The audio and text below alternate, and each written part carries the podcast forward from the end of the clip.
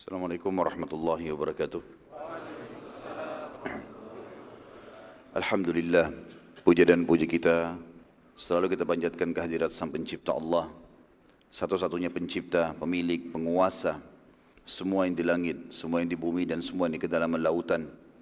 Maha kuat, maha adil, maha bijaksana, maha luas rahmatnya bagi orang-orang yang beriman dan patuh dan juga maha berat siksaannya bagi orang-orang yang durhaka dan kafir. Dia dengan kemahamurahannya telah menggantungkan segala roda kehidupan di muka bumi ini dengan memuji namanya Alhamdulillah. Maka jadilah orang yang selalu menjadikan bibirnya basah dengan kalimat yang mulia ini. Juga kita panjatkan selanjutnya salam hormat kita perlu dengan cinta dan rindu kepada panduan, panutan semua orang beriman. Penutup para nabi dan rasul, manusia yang telah disempurnakan jalur nasabnya, fisik dan ilmunya oleh sang pencipta Allah secara langsung dan juga sang pencipta Allah memerintahkan kita untuk menjadikannya sebagai suri tauladan. Semua kehidupan manusia terbaik ini adalah kemenangan, ketentraman jiwa dan juga kebahagiaan. Mengucapkan satu kali salam hormat kepadanya akan dibalas oleh Allah sepuluh kali tambahan rahmat yang berarti pengampunan dosa, peninggian derajat dan juga pemenuhan segala kebutuhan. Maka jadilah orang-orang yang selalu mengucapkan salawat dan taslim kepada Nabi besar Muhammad sallallahu alaihi wasallam. Setelah beberapa bulan sempat terputus kajian kita karena satu dan dua hal dari teman-teman Masjid Istiqomah dan Alhamdulillah kita bisa melanjutkannya pada hari ini siang ini sampai menjelang asar insya Allah dan nanti malam juga maghrib sampai menjelang jam 8 malam dan insya Allah kita lanjutkan besok pagi juga untuk menyelesaikan uh, sisa daripada kajian sirah kita. Terakhir sekali saudara kusiman kita sudah membahas perang Hunain dan pada penutupan saya sempat mengatakan kita akan menjelaskan eh, pelajaran-pelajaran yang bisa diambil dari perang Hunain dan ini sekaligus tentu menjelaskan tentang eh, kejadian-kejadian atau hal-hal yang berhubungan dengan masalah uh, peperangan Nabi SAW sebelumnya, perang Makkah, pembebasan kota Makkah, kemudian perang Taif atau Taif yang datang setelah perang Hunain itu. Pelajaran pertama saudaraku iman yang bisa diambil dari perang Hunain dan ini tentu melengkapkan bahasan sebelumnya. Pada kesempatan ini kita akan bahas perang Tabuk yang terjadi pada tahun 9 Hijriah. Tapi ini sisa bahasan kita dari perang Hunain sudah panjang lebar kita paparkan pada pertemuan yang sebelumnya. Pelajaran yang pertama adalah janji Allah benar dan tidak mungkin luput sebab Allah Subhanahu wa taala telah berfirman dalam banyak ayatnya di antaranya A'udzu billahi minasyaitonir rajim. Innallaha la yukhliful mi'ad. Dalam ayat lain, "Wa man asdaqu minallahi qila." Allah tidak akan pernah memungkiri janji-janjinya dan juga Allah siapakah yang lebih jujur daripada Allah dari sisi pernyataan. Jadi Allah Subhanahu wa taala sudah pastikan dan juga dalam banyak ayat yang lain di antaranya walan tajida li sunnatillahi tabdila. Kalian tidak akan pernah temukan adanya perubahan dari sistem yang telah Allah buat. Beriman beramal soleh diberikan kemenangan. Kufur maka akan dihukum. Dan ini tidak akan berubah sunnatullah ini. Maka janji Allah benar. Setelah kesusahan yang menimpa kaum muslimin di Mekah selama 13 tahun. Yang jadi pengikut baginda Nabi SAW dalam buku-buku sejarah dikatakan 153 orang. Itu pun 83 orang hijrah ke Ethiopia sampai perang Khaybar. Baru kembali ke Madinah. Jadi kurang lebih sampai tahun 5 Hijriah baru kembali ke Madinah.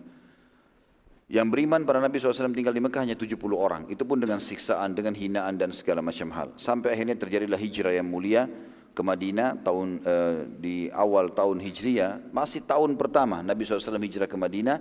Maka sudah mulai ada upaya Nabi SAW mengembangkan agama Islam ini dengan mendirikan sebuah negara di Madinah dengan sistem yang uh, nabawi atau mengikuti sistem yang Nabi SAW terima uh, dari wahyu kemudian dikatakan sistem nabawiyah atau Nabi SAW yang memimpin sendiri.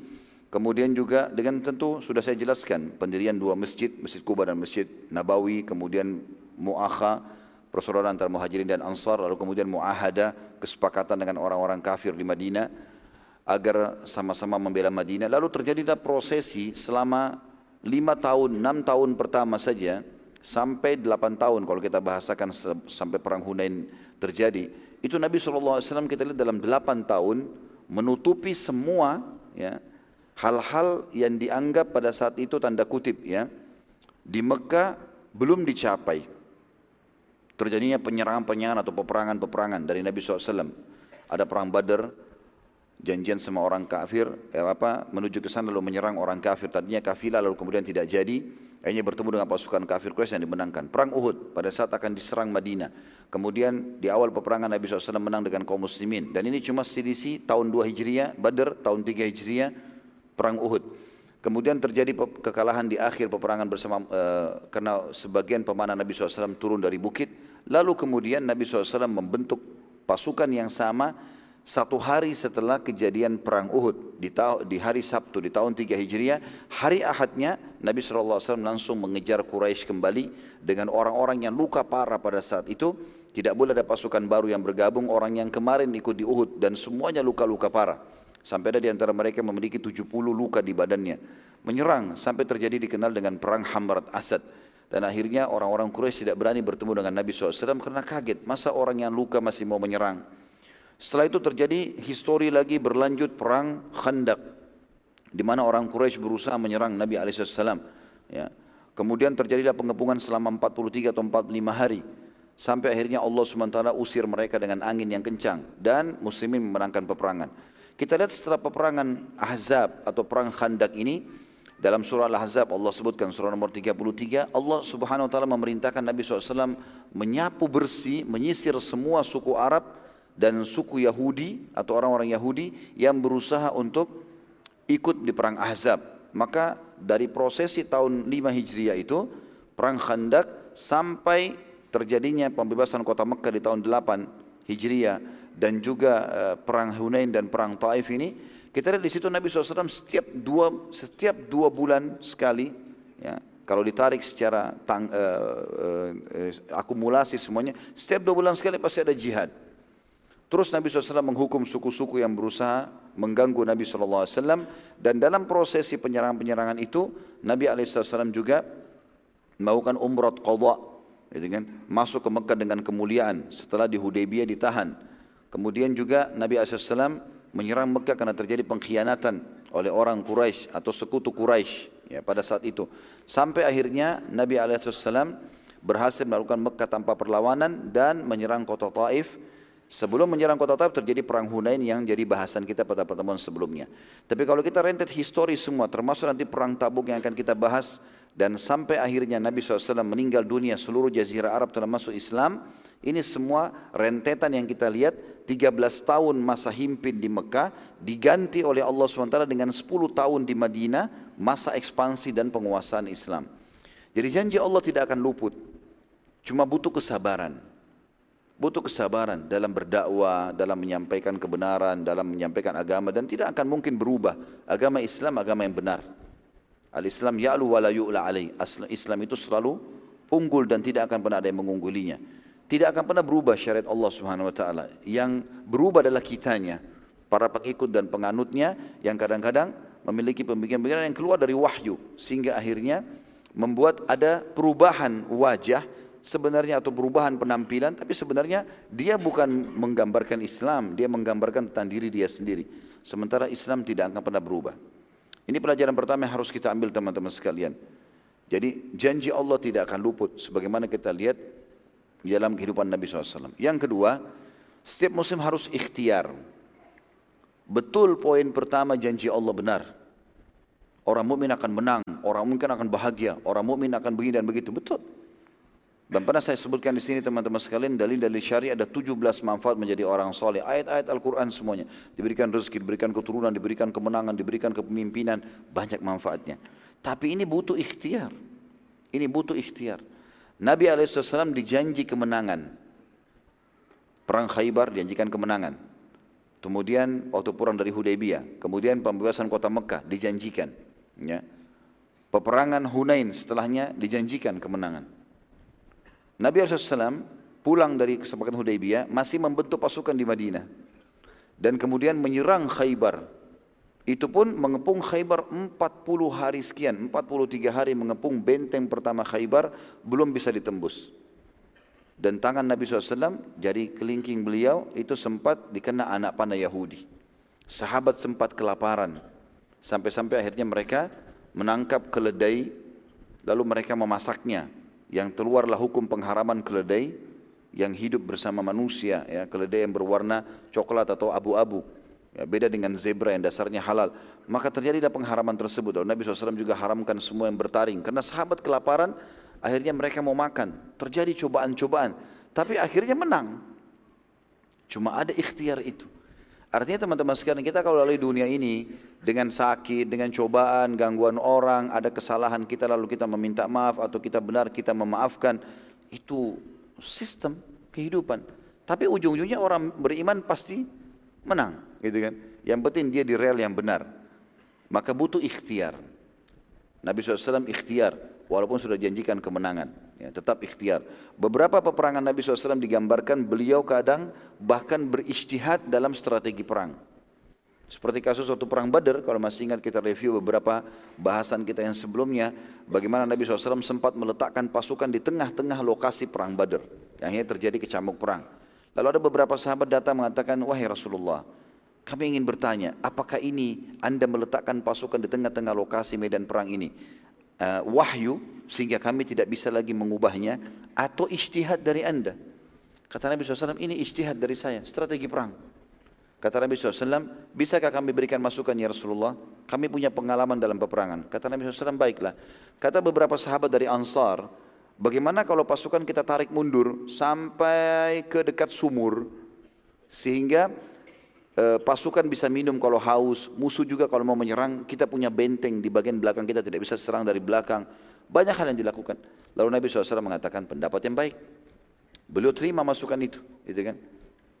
Jadi memang ada istihad, ada upaya, gitu kan? Istihad ini bisa benar, bisa salah.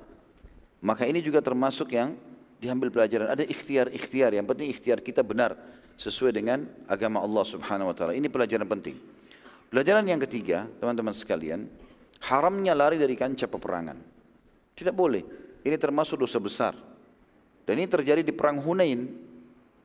Waktu pasukan Khalid bin Walid, kalau masih ingat dengan Bani Aslam, atau Bani Sulaim, maaf, Bani Sulaim, waktu Nabi SAW mau menyerang Mekah, ada Bani Sulaim seribu orang semua penunggang kuda, ikut bersama pasukan muslimin. Tembus Mekah, mereka tetap utuh, tidak ada yang mati. Kemudian waktu menyerang suku uh, suku Hawazim di perang Hunain. Hunain sebuah lembah antara Mekah sama Taif. Waktu diserang uh, menyerang ke sana, Nabi SAW suruh uh, suku uh, Sulaim ini bersama Khalid bin Walid turun duluan di lembah Hunain. Ternyata di bawah sudah diserang tiba-tiba, akhirnya Khalid bin Walid pun luka seluruh tubuhnya dan sempat pingsan. Radhiyallahu anhu, beberapa suku Sulaim jadi korban dan kocar-kacir pasukan muslimin pada lari. Sampai Nabi SAW waktu turun di lembah Hunain, menemukan tidak ada orang. Yang ada tinggal korban-korban para sahabat yang lainnya pada lari. Beberapa buku sejarah menjelaskan ada di antara sahabat yang baru masuk Islam, mu'allaf, sekitar 2000 orang jumlah mereka. Karena pasukan muslimin dari Madinah 10 ribu, ini 2 ribu. 2 ribu ini ada yang lari sampai sudah mendekati Mekah. Karena mereka belum terbiasa dengan peperangan. Maka Nabi SAW tetap kokoh waktu itu di Hunain dengan 100 orang saja. Sampai turun Jibril AS menyampaikan kalau 100 orang ini dijamin rezekinya. Di dunia dan juga di surga dijamin masuk surga 100 orang tersebut ya. Dan ini tentu sahabat-sahabat yang berkumpul sahabat-sahabat mulia Abu Bakar, Umar, Uthman, Ali, eh, beberapa sahabat-sahabat Nabi yang lain semuanya banyak yang berkumpul pada saat itu. Di situ termasuk Muawiyah bin Abi Sufyan, ya, eh, Harith bin Nu'man dan beberapa ridwanullah yang alihim sahabat Nabi yang mulia ini tetap mereka di sana. Dan ini pelajaran teman-teman sekalian. Ternyata orang-orang yang lari dari kancah peperangan itu dihardik, disalahkan. Dan Nabi SAW mengatakan tujuh induk dosa besar, syirik, sihir, durhaka sama orang tua, ya kemudian lari dari kancah peperangan di antaranya. Jadi nggak boleh. Orang muslim kalau masuk di medan perang, maka kasusnya cuma dua. Target pertama mati syahid. Dan kalau mati semua pasukan tidak ada kekalahan namanya. Itu menang. Karena itu targetnya. Mati, mati syahid masuk surga. Atau mereka bawa kemenangan pada saat pulang. Tidak ada lagi yang lainnya gitu. Maka ini hukumnya tidak boleh teman-teman sekalian. Ini juga pelajaran dari Hunain. Pelajaran yang keempat, tidak boleh mentashmit atau mensyamata adu, musuh. Tidak boleh menganggap remeh musuh. Karena waktu itu jumlah muslimin itu 12 ribu. Jumlah pasukan suku Hawazim 12 ribu. Belum pernah selama peperangan muslimin sebelumnya jumlah berimbang seperti ini belum pernah. Di perang Badar kita tahu 314 lawan 1000. Di perang Uhud 700 lawan 3000, gitu kan. Di perang Khandak itu 1000 sahabat di Khandak itu melawan 10.000. Kan? Kemudian di perang Khaybar, menyerang Khaybar pada saat itu pasukan muslimin 1400 orang. Khaybar berisi 10.000 pasukan Yahudi. Selalu jumlahnya tidak berimbang, gitu kan. Selalu mereka lebih banyak. Waktu penyerangan kota Mekah, 10 ribu pasukan muslimin keluar. Mekah itu terdiri dari kurang lebih 200 ribu penduduk pada saat itu. Pasukannya mereka besar sekali, puluhan ribu orang. Tapi juga muslimin menang. Nah di perang Hunain, rupanya berimbang karena 10 ribu tetap utuh pasukan muslimin, tidak ada yang korban. Kemudian ada 2, 2 ribu mu'allaf baru datang 12 ribu. Semua sahabat waktu itu umumnya ya, umumnya e, tanda kutip, bukan semuanya tapi umumnya mereka menganggap Bukan niat sombong, tapi sampai Abu Bakar pun dikatakan, saya sudah sebutkan riwayatnya pada benar mengatakan ya Rasulullah, kita tidak akan dikalahkan dengan jumlah seperti ini, karena belum pernah pasukan seperti ini. Statement ini saja yang banyak disampaikan oleh para sahabat. Merasa bangga dengan jumlah yang banyak dan musuh tidak akan kalahkan. Sudah masuk dalam istilah syamata. Ternyata gara-gara itu Allah subhanahu wa ta'ala memberikan kekalahan di awal peperangan. Kocar kacir pasukan muslimin.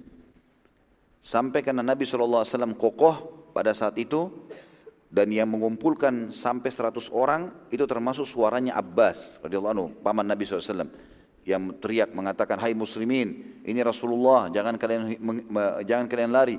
Tetap aja banyak yang lari lalu Nabi SAW mengatakan panggil mereka. Bilang hai ahlus syajarah. Mana orang yang membaiat di bawah pohon pada saat terjadi kesepakatan Hudaybiyah. Lalu kemudian berkumpullah 100 sahabat karena Nabi SAW tetap kokoh dengan 100 orang itu sampai akhirnya berhasil mengalahkan 12 ribu pasukan e, memukul-mukul pasukan Hawazim dan itu disebabkan juga karena turunnya malaikat. Ya, dan saya sudah ceritakan bagaimana prosesnya turunnya malaikat di lembah Hunain.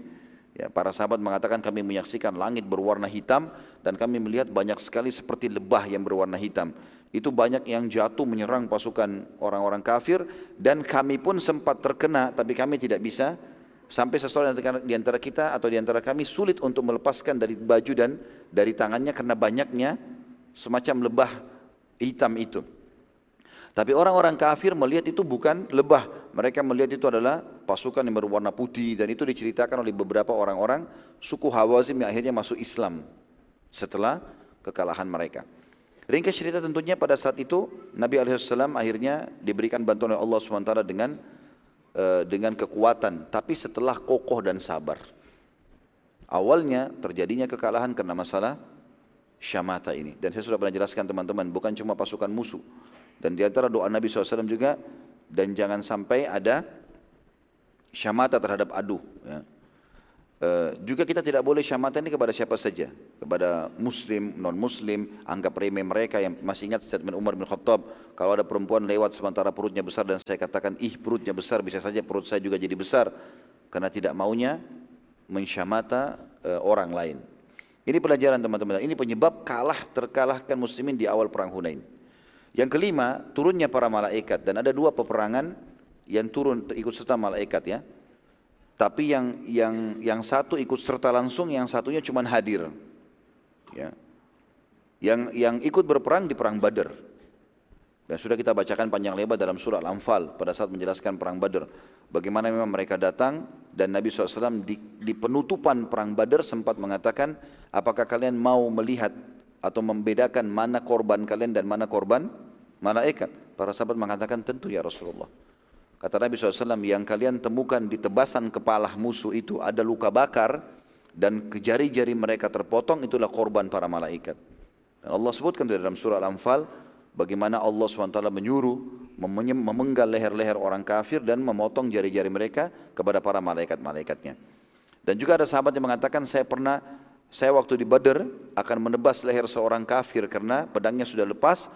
Begitu saya mau ayunkan pedang saya kepalanya sudah terpental sendiri karena adanya ikut serta malaikat. Ada sahabat yang mendengar panggilan nama-nama yang asing tidak di kalangan sahabat. Lalu mereka bertanya, ya Rasulullah, kami dengar ada suara begini. Kata Nabi SAW itu malaikat yang memanggil sahabat-sahabatnya untuk menyerang. Ringkas cerita mereka hadir pada saat itu. Di perang Hunain hadir juga para malaikat, tetapi mereka tidak ikut dalam peperangan. Hanya muncul dan dengan munculnya sudah cukup membuat suku Hawazim jadi bubar dan kocar kacir. Ya, bubar dan kocar kacir. Jadi ini ada keterlibatan malaikat ya, dalam peperangan Nabi alaihissalatu wassalam. Sebagian ulama mengatakan bukan mustahil. Di setiap medan jihad Allah SWT berikan pertolongan dengan datangnya para malaikat. Tapi umumnya kaum mukminin tidak melihat mereka. Karena mereka sudah tahu, mereka sudah beriman. Sebagian ulama misalnya memberikan contoh saja agar kita bisa lebih faham poin ini. Kenapa sekarang yang banyak mengadakan penelitian di langit, di udara ya, eh, dengan pesawat terbang, melihat bulan, bintang-bintang, yang di, di bumi, eh, penelitian tentang hewan-hewan, tumbuh-tumbuhan, segala macam, di dalam laut. Kenapa kebanyakan orang non-muslim? Kenapa bukan orang Islam? Maka ulama memberikan rincian, mengatakan sederhana saja, karena umat Islam sudah yakin kepada Allah. Maka apa saja mereka tidak lihat, mereka sudah katakan ini adalah ciptaan Allah dan la ilaha illallah. Orang-orang kafir ini justru karena ragu, Allah buat mereka mengadakan penelitian.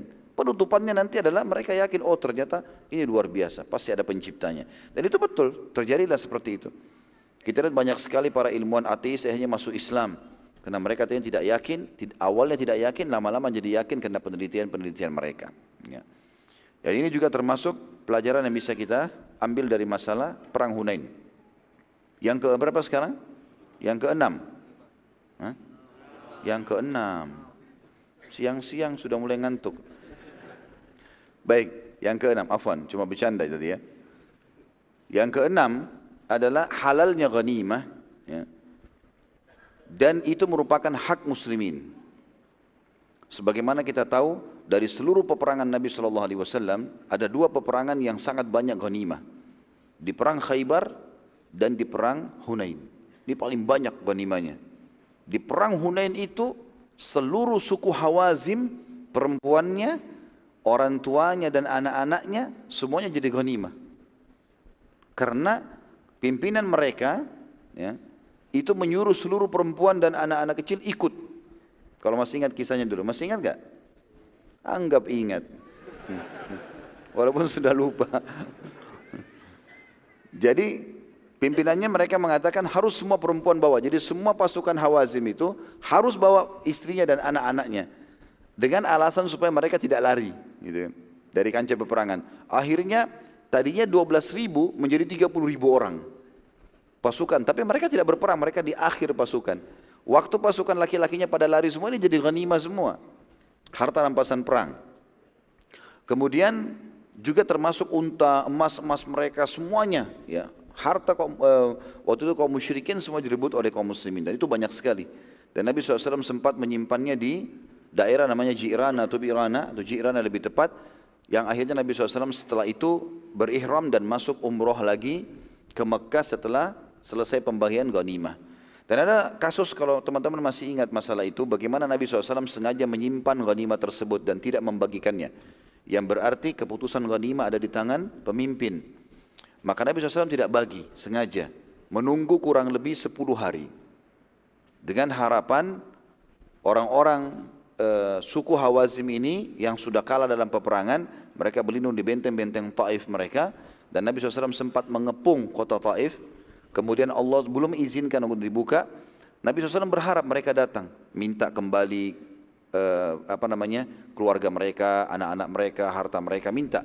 Dan mereka masuk Islam. Tapi Nabi SAW tunggu lama, nggak datang-datang.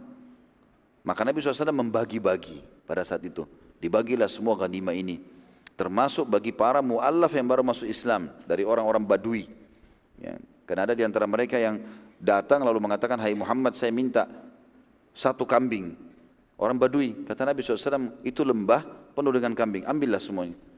Sampai orang itu kaget. Jangan kau olok-olok saya Muhammad. Tidak. Ambil. Dalam riwayat dikatakan Saking tidak percayanya dia disuruh ambil sekian ratus ekor kambing. Orang baru masuk Islam. Ada riwayat menjelaskan bahkan orang ini belum syahadat. Kemudian dikasih oleh Nabi SAW. Tapi riwayat yang paling kuat dia sudah syahadat ya. Karena orang yang menerima ghanimah adalah kaum muslimin. Maka dia syahadat, kemudian dia minta kambing. Nabi SAW suruh ambil ratusan. Dia bilang waktu saya jalan menuju ke kambing-kambing tersebut, saya mengira akan ada orang yang menghalangiku. Dan ada semua sahabat minggir, kasih dia. Dia jalan sampai dia pulang ke sukunya lalu dia teriak di depan pintu gerbang sukunya. Hai kaumku beriman kepada Muhammad karena dia mengajarkan agama yang tidak akan membuat kita kelaparan. Artinya ini ada harta yang sangat banyak.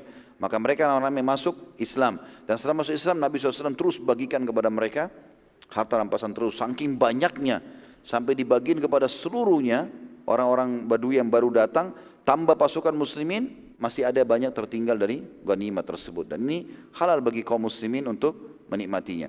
Dan ada sebuah pelajaran penting juga di sini. Ternyata setelah pembagian ghanimah, ada utusan dari suku Hawazim dari benteng Taif yang sudah dikepung oleh Nabi SAW dan tidak berhasil ditembus karena Allah belum izinkan, datang baru minta, Hai Muhammad, walaupun kalian belum berhasil menembus benteng kami Taif, tapi apalagi enaknya hidup, kami nggak punya istri, kami nggak punya anak, orang-orang tua kami pun, harta kami semuanya diambil, sudah nggak ada lagi. Kami harus mulai dari nol lagi semuanya. Maka lakukanlah sesuatu. Kata Nabi SAW, saya menunggu selama 10 hari, kalian tidak muncul. Sekarang baru kalian mau bicara.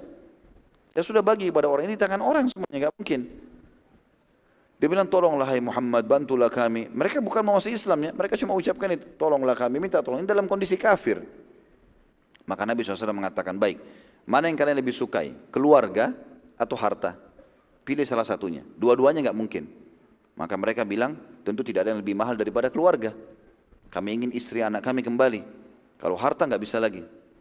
Harta nggak apa-apa, bisa dicari. Kata Nabi SAW, baiklah. Semua yang di bawah tangan saya punya kalian. Yang Nabi SAW punya bagiannya, kembalikan semua. Dan saya akan kumpulkan orang-orang, nanti kalian sampaikan keluh kesah kalian.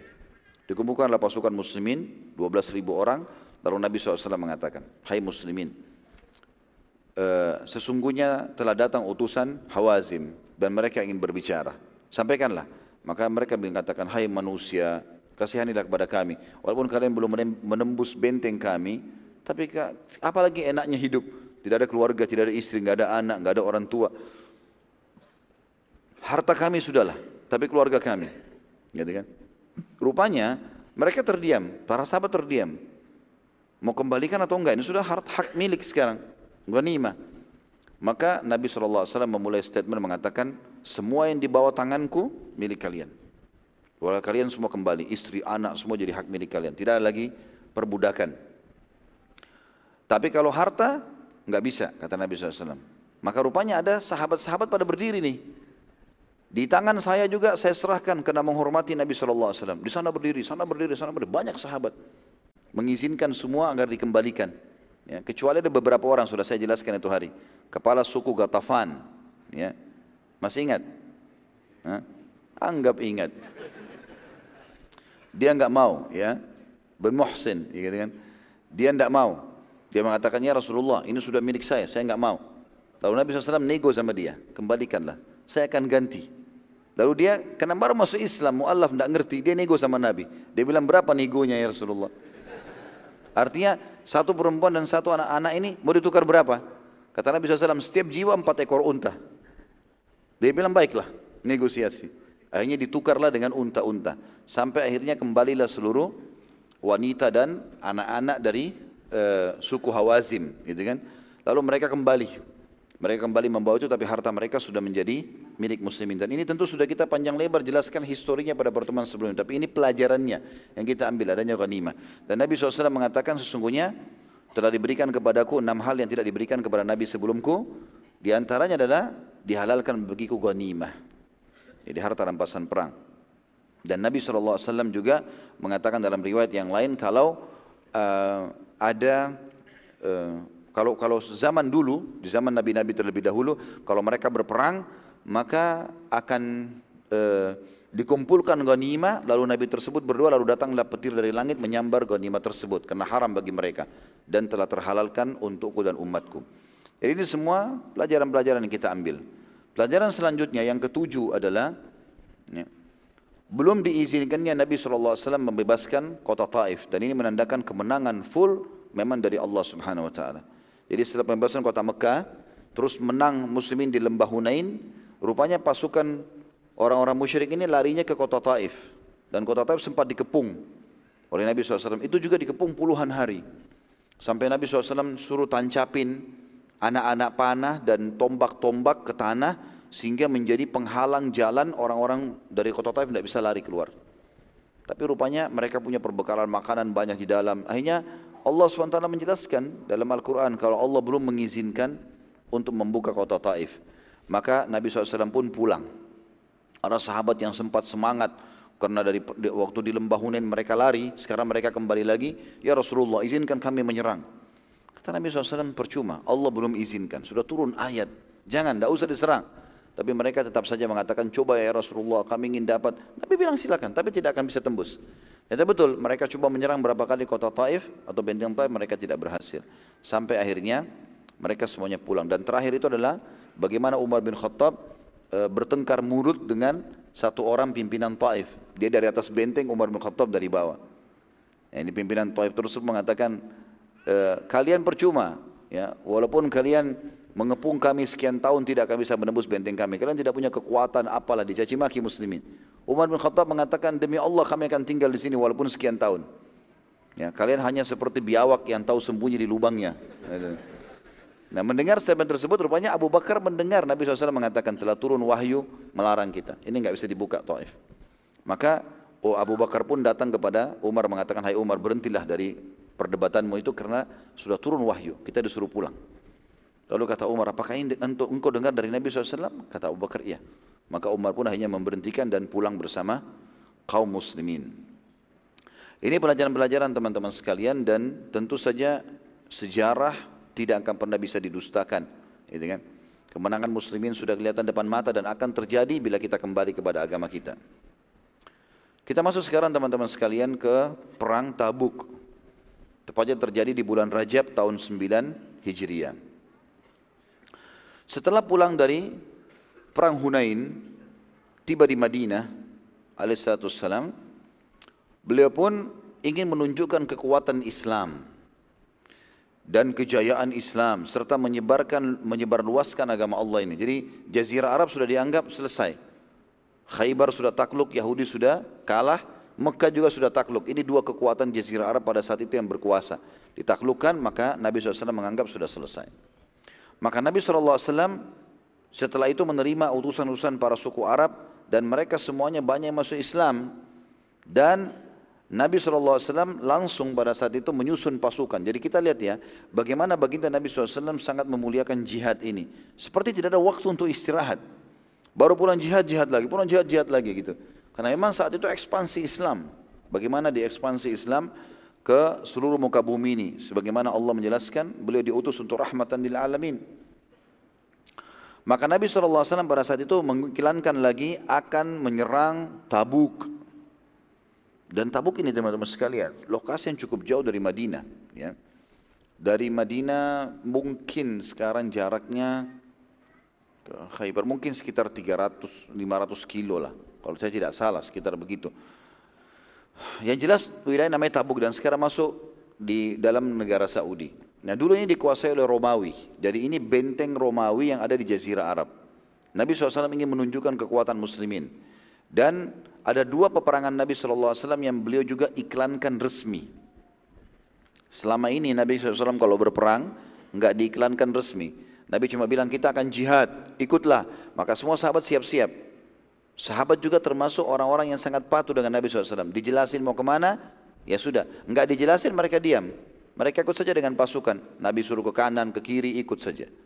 Tapi ada dua peperangan Nabi SAW diiklankan terang-terangan.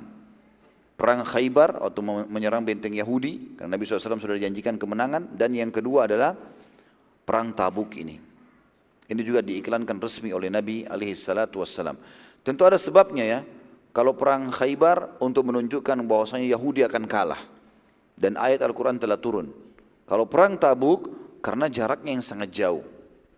Pada saat itu dan butuh memang pengorbanan kaum muslimin ya agar mereka mempersiapkan diri. Baik, perlu digarisbawahi teman-teman sekalian, jihad yang dikumandangkan oleh Nabi SAW di perang Tabuk ini wajib untuk semua laki-laki muslim. Sebelumnya ada peperangan yang Nabi SAW kasih pilihan. Ada yang dikasih udur. Tapi di perang tabuk ini wajib semuanya ikut. Maka tidak ada udur ini untuk tidak tidak maksudnya Harus ada udur syar'i yang betul-betul baru bisa. Orang buta matanya, ya, Al-Quran dikatakan itu ada orang pincang, ya. Orang yang betul-betul udur tidak bisa sanggi sama sekali. Ya, kau para kaum wanita, orang tua dan seterusnya. Ini mungkin anak-anak kecil. Tapi yang lain ini nggak bisa lagi, wajib. Perang Tabuk ini teman-teman diberikan nama juga dengan perang usrah atau perang yang sulit ya. Kenapa dikatakan usur? Ini sulit karena memang dia dilakukan di musim panas. Puncak musim panas. Ya. Ini lawannya perang Khandak. Perang Khandak itu perang Parit ya, atau perang Azab itu terjadi di puncak musim dingin. Tapi ini di puncak musim panas. Dan di musim panas ini perlu kita garis bawahi teman-teman sekalian. Kalau makin panas maka buah kurma makin bagus kualitasnya. Jadi kalau antum pas lagi umroh atau lagi haji pas puncak musim panas itu buah kurma paling bagus kualitasnya dan ada kurma-kurma yang keluar mungkin tidak keluar di selain musim-musim panas itu. Jadi kualitasnya sangat bagus. Nah kebetulan pendapatan muslimin atau penduduk Madinah secara khusus atau jazirah Arab makan secara umum itu dari kurma. Ini musim panas puncak dan tepatnya beberapa hari lagi akan panen kurma. Dia akan panen dan panen ini berarti akan panen makanan, akan penuh gudang-gudang persiapan makanan mereka dan juga akan kaya karena akan di, di dijual. Dan kurma ini termasuk buah yang bisa bertahan lama sampai setahun, dua tahun, nggak rusak kalau kurma-kurma kering, gitu kan. Maka ini keuntungan yang sangat besar. Tapi subhanallah, justru cobaan Allah datang di situ. Disuruh mereka jihad dan wajib di musim panas, lagi panas sekali. Orang kalau bagi perang bukan kayak kita sekarang bagi taklim pakai baju kaos, apa kain kaos maksud saya, pakai kain yang tipis, kita santai saja. Tapi pergi perang pakai baju besi tebal, pakai topi besi panas gitu. Ini musim panas. Tambah lagi mereka semua adalah pedagang, uh, uh, pe, apa, petani kebun, ya petani kurma, baik pemilik ataupun petaninya sendiri, baik dia pemilik kebunnya atau petaninya, pekerjanya. Dan mereka akan panen sebentar lagi, disuruh jihad. Istri-istri mereka nggak ada yang bisa cabut naik ke atas pohon turunin buah kurma. Ini berarti kalau tidak diambil matang di pohon bisa rusak. Jatuh pun dipungut maka mereka mungkin tidak tahu sortir. Ini kerjanya laki-laki semuanya. Tapi subhanallah pada saat itu memang Allah SWT datangkan cobaannya. Ini sudah puncak mendekati meninggalnya Nabi SAW. Ya, ini terjadi tahun 9 Hijriah. Nabi SAW tinggal setahun saja, setahun sekian bulan itu sudah meninggal dunia alaihissalam. Maka di sini puncak-puncaknya bagaimana Allah SWT menguji. Dan perang tabuk ini walaupun nanti muslimin melawan Romawi saudaraku seiman, sebenarnya yang terjadi adalah perang antara muslimin dengan kaum munafikin. Di sini nanti kita lihat bagaimana perang tabuk ini membongkar kedok orang-orang munafik. Dan kita juga bisa mengambil pelajaran yang sangat besar bagaimana di tengah-tengah kita, di zaman sekarang pun atau di zaman yang akan datang pun munafik akan selalu ada. Dan di sini banyak sekali pembongkaran tentang kedok-kedok mereka di perang tabuk ini. Orang-orang munafik dan orang-orang badui yang masih lemah imannya, mereka pada berdatangan kepada Nabi SAW. Karena jihad wajib sekarang. Nggak ada lagi udur. Kecuali dia sakit kah betul-betul tidak ada ada udur syar'inya. Kalau enggak nggak boleh. Maka mereka mencari-cari alasan agar bisa tidak ikut jihad. Salah satu ya ada di antara mereka yang meminta pertama sekali meminta izin agar tidak jihad seorang munafik namanya Al-Ja'ad bin Qais. Nama ini kalau teman-teman review kembali bukan nama yang asing. Waktu kesepakatan Hudaybiyah terjadi antara muslimin dengan orang-orang musyrik Mekah, ada 1400 orang sahabat. Ya, tepatnya ahli sejarah mengatakan 1400 dengan Nabi Shallallahu alaihi wasallam, maka sahabat 1399. Semuanya Nabi wasallam jamin masuk surga kecuali satu orang. Ya, karena mereka semuanya datang membaiat Nabi di bawah pohon. Ya Rasulullah, saya hidup mati untuk agama Islam, gitu kan? Disuruh perang ya iya, suruh pulang ya iya, gitu kan? Pada saat itu bisa serang Mekah, bisa pulang ke Madinah. Setelah 1397 sahabat semuanya membaiat Nabi dan bersalaman, ada sahabat Uthman bin Affan lagi di Mekah ditahan oleh Abu Sufyan. Ya. Kemudian Nabi SAW memegang tangan kiri beliau dengan dengan tangan kanan sambil mengatakan ini tangannya Uthman. Jadi sudah 1398 sahabat. Karena jumlah mereka 1399, yang satu ini rupanya munafik. Itulah Al-Ja'ad bin Qais ini. Dia berusaha sembunyi-sembunyi di belakang unta. Maka Nabi SAW mengatakan dalam statement yang masyhur, tidak ada seorang pun yang membayar di bawah pohon ini kecuali masuk surga. Pasti masuk surga. Kecuali yang sembunyi di belakang unta merah. Nah itu Al-Ja'ad bin Qais ini. Dia yang di situ. Subhanallah dia sudah tahu, dia dengar hadis ini. Gara-gara dia munafik, kemudian dia tidak mau membayar pada saat itu tidak dijamin surga baginya. Di perang ini kembali lagi dia dengan kemunafikannya. Dia orang yang paling pertama minta izin dengan Nabi SAW. Dan statementnya nggak masuk di akal. Dia bilang, ya Rasulullah, Anda akan menuju ke wilayah Romawi. Dan tidak ada satupun bangsa Arab yang tidak mengenal bagaimana aku aku sangat mudah terkena fitnah wanita. Jadi dia buka kedoknya kalau dia ini, ya apalah bahasa kita sekarang, playboy. Tidak ada satupun orang bangsa Arab yang tidak kenal saya ya yang mudah kena fitnah wanita, gitu kan. Dan saya takut kena fitnahnya wanita orang Romawi. Ya. Wanita bule ini saya takut kena fitnah. Seperti itulah bahasanya dia. Maka izinkan saya Rasulullah. Saya nggak mau ikut jihad. Alasannya gara-gara takut kena fitnah wanita. Orang pergi jihad bukan mau lihat perempuan, gitu kan? Tapi subhanallah dia bahasanya begitu. Nabi SAW akhirnya mengizinkan dia, tapi ada alasan. Ya, Nabi SAW ada alasan mengizinkan. Pertama, Nabi SAW menganggap orang ini sudah dikenal munafik. Dia pun ikut tidak ada gunanya. Dia tidak bermanfaat nanti buat dia. Kasus waktu 300 orang ikut di perang Uhud, kalau masih ingat. Tadi kan jumlahnya muslimin 1000. 700 orang orang mukmin, 300 orang orang munafik. Buat masalah mereka. Begitu pergi ke Uhud, mereka pulang tuh 300. Dan mereka sebarin berita, untuk apa kita melawan? Lebih baik kita dalam benteng. Seperti itulah. Nanti kita lihat juga di perang tabuk, mereka buat begitu tuh. Menahan-nahan pasukan muslimin untuk berperang. Dari sisi lain, Nabi SAW beristihad. Ya, beristihad, mungkin orang ini punya udur, ya sudahlah. Ya, diizinkan oleh Nabi SAW. Nanti kita lihat bagaimana ayat mengingatkan masalah itu ya. Nanti kita akan banyak membaca surah At-Taubah pada kesempatan ini insya Allah. Allah subhanahu wa ta'ala membongkar atau membuka kebohongan Al-Ja'ad bin Qais ini dalam surah At-Taubah surah nomor 9 ayat 49. Surah nomor 9 ayat 49 yang bunyinya a'udzubillahi minasyaitonir rajim wa minhum may yaqulu dzalli wa la taftinni ala fil fitnati saqatu wa inna jahannama. Ada di antara mereka yang berkata kepada Muhammad, berilah aku izin untuk tidak ikut berperang di Tabuk dan jangan kamu menjadikan aku terjerumus dalam fitnah, maksudnya fitnah wanita. Ketahuilah bahwa mereka telah terjerumus dalam fitnah kata Allah dan sungguhnya jahanam itu benar-benar meliputi orang-orang kafir. Ada penjelasan para ulama tafsir, ada beberapa orang munafik yang tidak mau ikut berperang ke Tabuk atau daerah kekuasaan Romawi dengan berdalih khawatir akan tergoda oleh wanita-wanita Romawi. Berhubung dengan itu turunlah ayat ini untuk membuka rahas, membukakan rahasia mereka dan menjelaskan bahwa keenggangan mereka pergi berperang itu adalah karena kelemahan iman mereka dan bukan karena takut fitnah wanita.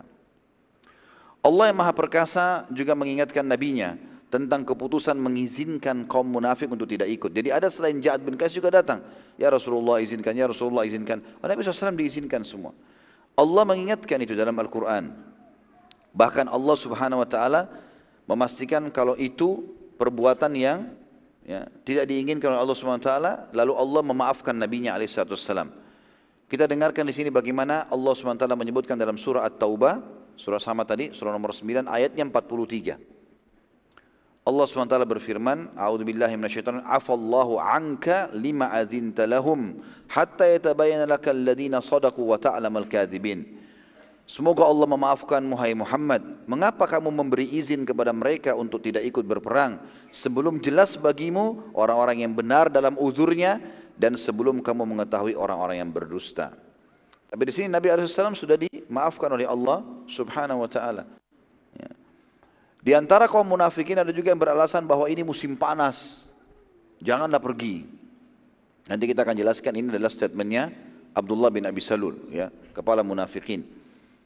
Oleh karena itu jangan keluar jihad. Allah juga membongkar dan menceritakan statement mereka. Turun ayat sebelum terjadi peperangan nih, ayat terus turun. Sudah membongkar nih orang-orang tidak mau ikut karena dusta semua nih. Dalam surah At-Taubah sama surah nomor 9 ayat 81. Allah berfirman, A'udzu billahi minasyaitonir rajim. فرح المخلفون بمقعدهم, خلاف رسول الله وكرهوا أن يجاهدوا بأموالهم وكرهوا أن يجاهدوا بأموالهم وأنفسهم في سبيل الله وقالوا لا تنفروا في الحر قل نار جهنم أشد حرا لو كانوا يفقهون Orang-orang yang ditinggal tidak ikut berperang dari kalangan munafikin, mereka gembira dengan tinggalnya mereka di belakang Rasulullah SAW. Maksudnya tidak ikut pasukan. Dan mereka tidak suka berjihad dengan harta dan jiwa mereka pada jalan Allah. Dan mereka berkata, janganlah kamu berangkat pergi berperang dalam panas terik seperti ini. Katakanlah hai Muhammad kepada mereka, api neraka jahanam itu lebih sangat panas jika mereka mengetahui. Nah, jadi ini Allah SWT bongkar. Jadi makanya nanti saya bilang, seperti saya sebutkan teman-teman sekalian, dan kita juga lihat dalam closing perang tabuk nanti, penutupannya, memang ini adalah pembongkaran kedok orang-orang munafik. Sampai umumnya ulama mengatakan, perang tabuk sebenarnya hakikatnya bukan antara muslimin sama orang Romawi. Karena memang tidak terjadi peperangan di antara mereka nanti. Dan kita akan jelaskan sebabnya. Kenapa Romawi tidak mau melawan Nabi SAW. Dan akhirnya di situ terjadilah keributan antara muslimin dengan orang-orang munafik. Dari sisi lain, ada di antara kaum mukminin yang mendatangi Nabi SAW justru terbalik. Kalau orang munafik izin supaya tidak ikut perang, kaum mukminin justru menangis, minta supaya bisa ikut perang, tapi mereka miskin. Ada di antara mereka yang sangat miskin, tidak punya kemampuan membiayai diri mereka untuk berangkat jihad, maka mereka berkata kepada Nabi SAW. Di antaranya ada satu sahabat yang disebutkan dalam buku sejarah, Salim bin Umair radhiyallahu anhu. Ada beberapa sahabat Nabi lain, tapi ini yang paling masyhur disebutkan namanya. Dan ini yang ayat Al-Quran turun pada dia ini. Salim bin Umair radhiyallahu anhu. Jadi dia mengatakan, mereka mengatakan beberapa orang, ya Rasulullah, kami ingin jihad. Mintalah agar muslimin menyumbang buat kami. Supaya ada yang biayai. Karena perjalanan butuh makan, butuh minum, butuh kuda, butuh pedang, butuh perisai. Enggak ada duit. Enggak ada, enggak ada sama sekali uang. Maka Nabi SAW waktu itu mengumumkan, mengiklankan secara terang-terangan sodakah. Bersodakahlah, kumpulin, ini jihad. Perjalanan jauh, muslimin banyak butuh makanan, butuh bekal, harus ada sodakah. Terdapat ada sahabat, dan ini kita lihat bagaimana peran orang munafik lagi ya. Mereka subhanallah bukan cuma tinggal di rumahnya, hadir dalam majlis Nabi SAW, hadir dalam peperangan Nabi SAW, pergi bersama dengan hajinya dan umrahnya Nabi SAW. Jadi mereka hadir, tapi ini connect satu sama yang lain nih. Ini menginformasikan teman-teman yang di sana. Lalu mereka ngatur strategi untuk mencari kesalahan muslimin. Ini sudah terjadi di zaman dulu. Jadi jangan heran kalau sekarang cari macam-macam untuk umat Islam jadi bentrok ini, itu sudah biasa. Ciri orang munafik dari dulu itu. Di sini dikatakan, Waktu Nabi SAW bilang sadaqalah, ada satu sahabat bawa harta yang banyak. Tapi di dalam riwayatnya tidak disebutkan namanya. Saya, saya tidak temukan ya, mungkin keterbatasan ilmu saya. Maka dia membawa harta yang banyak, saking beratnya sampai susah dia mengangkatnya, ditaruh di kain yang besar. Langsung ditaruh di depan Nabi SAW, ya Rasulullah ini sadaqah. Ini orang pertama bersadaqah waktu itu. Ternyata di majelis Nabi ada orang munafik. Apa mereka bilang? Oh ria ini. Padahal mereka sendiri tidak bersodokah gitu. Mereka nggak ada andilnya. Begitu lihat orang, oh ria. Begitu masjid lagi dibangun, ada penyumbang fulan fulan, ria. Dia sendiri nggak masukin uang. Hah? Ada nggak begitu sekarang? Nggak ada? Masa? Ada banyak. Mudah-mudahan tidak ada yang hadir. Kalau di majelis Rasulullah aja hadir, apakah di majelis kita gitu ya? Tapi insya Allah tidak ada tuh. Yang jelas pada saat itu teman-teman sekalian, dibilang ria dan mereka sebarin gosip itu di majelisnya Nabi itu. Ria, ria, ria, ria. Jadi kena ini sahabat ini nyumbang baik-baik. Rupanya setelah sahabat itu ada sahabat satu lagi datang, miskin, nggak punya apa-apa. Dia cuma bawa satu keranjang kecil, satu uh, sa kurma, gitu kan? Ya mungkin dua setengah kilo kurma dibawa sama dia. Ditaruh. Begitu disumbang, iya Rasulullah, ini cuma ini yang saya bisa bilang. Yang paling pertama nyeletuk munafik lagi. Mau bikin apa satu sak kurma? Apa gunanya? Gitu. Untuk pasukan yang banyak. Ini statement itu dibuang. Lemparin. Diolok-olok kaum muslimin. Dan itu terjadi. Zaman sekarang di media keluar olok ini, olok itu. Salah semua umat Islam. Apa saja? Bangun masjid ini salah, pengajian ini salah, itu salah. Oh, dibuat masalah terus. Gitu. Itu terjadi. Ini di depan Nabi SAW ini. Orang bawa banyak, ria. Orang bawa sedikit, mana bisa cukup. Nah. Allah subhanahu wa ta'ala membongkar kedok mereka. Dalam surah At-Taubah masih sama. Surah nomor 9 ayat 79. Ayat demi ayat ini terus. ya Menjelaskan kepada kita. Jadi pembongkaran kedok yang massal ini luar biasa. Nanti kita lihat juga setelah pulang dari perang tabuk. Nabi SAW akhirnya secara terang-terangan di masjid. Beliau. Siapa yang saya sebut namanya berdiri itu berarti munafik. Nabi sebut. Fulan berdiri, fulan berdiri, fulan berdiri. Terbongkar semua kedoknya. Nanti setelah selesai itu. Tapi ini masih dalam proses perang tabuk. At-Taubah ayat 79 berbunyi A'udzubillahi minasyaitonirrajim Alladzina yalmizuna al-muttawwi'ina minal mu'minina fis sadaqati walladzina la yajiduna illa juhdahum fayaskharuna minhum sakhirallahu minhum walahum adzabun alim Orang-orang munafik itu adalah orang-orang yang mencelah orang-orang mukmin yang memberi sedekah dengan sukarela. Tadi orang yang membawa sumbangan banyak itu dicela, riak dan mencela orang-orang yang tidak memperoleh untuk disodokahkan selain sekedar kesanggupannya. Sahabat yang kedua. Jelas nggak? Dibuka Al-Qur'annya ya. Kalau buka punya Al-Quran di, di handphonenya dibuka, dilihat. Karena secara letterlet di sini Allah menceritakan kejadian itu subhanallah. Kejadian dua tadi sahabat ini. Dan mereka juga mencela orang-orang yang tidak memperoleh untuk disodokakan selain sekedar kemampuan mereka. Maka orang-orang munafik itu menghina mereka. Allah akan membalas penghinaan mereka itu dan untuk mereka adab yang pedih. Nyata sekali ayat ini turun subhanallah. Ya. Namun karena yang miskin cukup banyak, jadi sudah banyak sahabat yang nyumbang. Ada dua orang, tiga orang, mau ada yang datang, tapi dua orang yang disebutkan dalam ayat tadi. Tapi karena banyak sahabat yang miskin yang mau ikut gitu kan. Maka dan fasilitas jihad besar. Harus ada kuda. Biasanya orang kalau pergi jihad zaman dulu itu bawa dua ekor kuda. Satu kuda yang dia tunggangi, satu kudang cadangan. Atau membawa bekal makanan. Nanti di tengah jalan, misalnya sudah jalan 50-60 kilo, dia turun dari kudanya, kuda yang tadi dia pakai tunggangi, diganti. Ditungga, ditaruh makanan yang yang tadi istirahat itu dipakai sama dia untuk ditunggangi dan seterusnya. Atau kalau mati kudanya ada kuda cadangan. Seperti itu. Ada yang bahkan bawa membawa, membawa banyak. Ada yang bawa uh, kambingnya. Ada banyak sahabat yang bawa kambing. 10 ekor, 20 ekor nanti di tengah jalan dipotongin untuk muslimin makan sebagai sedekah. Jadi mereka pergi jihad itu bawa banyak bekal. Nabi SAW akhirnya berkata kepada mereka karena banyaknya orang yang datang minta. Satu dua orang sudah terbantukan, tapi yang lain mau, ya Rasulullah mau jihad. Biayai kami. Maka Nabi SAW mengatakan statement yang masyur, sungguh aku tidak memiliki tunggangan yang bisa membawa kalian. Maka sahabat-sahabat ini pulang dari masjid Nabi keluar menangis. Karena mereka tidak bisa jihad. Allah ceritakan juga dalam surah At-Taubah. Ini semua kejadian Allah buka dalam Al-Quran. Surah nomor 9 ayat 91 sampai 93. Ayat 91-nya bunyinya A'udzubillahi minasyaitonirrajim laisa 'alal du'afa'i wala 'alal wala 'alal marda wala 'alal ladina la yajiduna ma yunfikuna haraj wala 'alal ladina la yajiduna ma yunfikuna harajun idza nasahu lillahi wa rasulih idza nasahu lillahi wa rasulih Ma'adal muhsinina min sabil wallahu ghafurur rahim. Tidak ada dosa lantaran tidak pergi berjihad atas orang-orang yang lemah, orang-orang sakit dan atas orang-orang yang tidak memperoleh apa yang akan mereka nafkahkan. Tadi orang miskin ini. Mereka enggak punya bisa biaya hidupnya untuk jihad.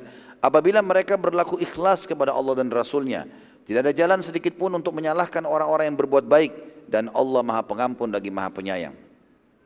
Ayat 92. Wala 'alal ladzina idza ma atauka litahmilahum qulta la ajidu ma ahmilukum 'alaihi wa tawallaw tawallaw a'inuhum tafidu min ad-dam'i hazanan alla yajidu ma yunfikun dan tidak ada pula dosa atas orang-orang yang apabila mereka datang kepadamu hai Muhammad supaya kamu memberikan mereka tunggangan lalu mereka berkata lalu engkau berkata kamu berkata aku tidak memperoleh kendaraan untuk kalian tadi kan ada sahabat begitu Ya Rasulullah biayai kami. Enggak ada lagi, saya enggak punya apa-apa. Rasulullah pun tidak bisa, sallallahu alaihi wasallam.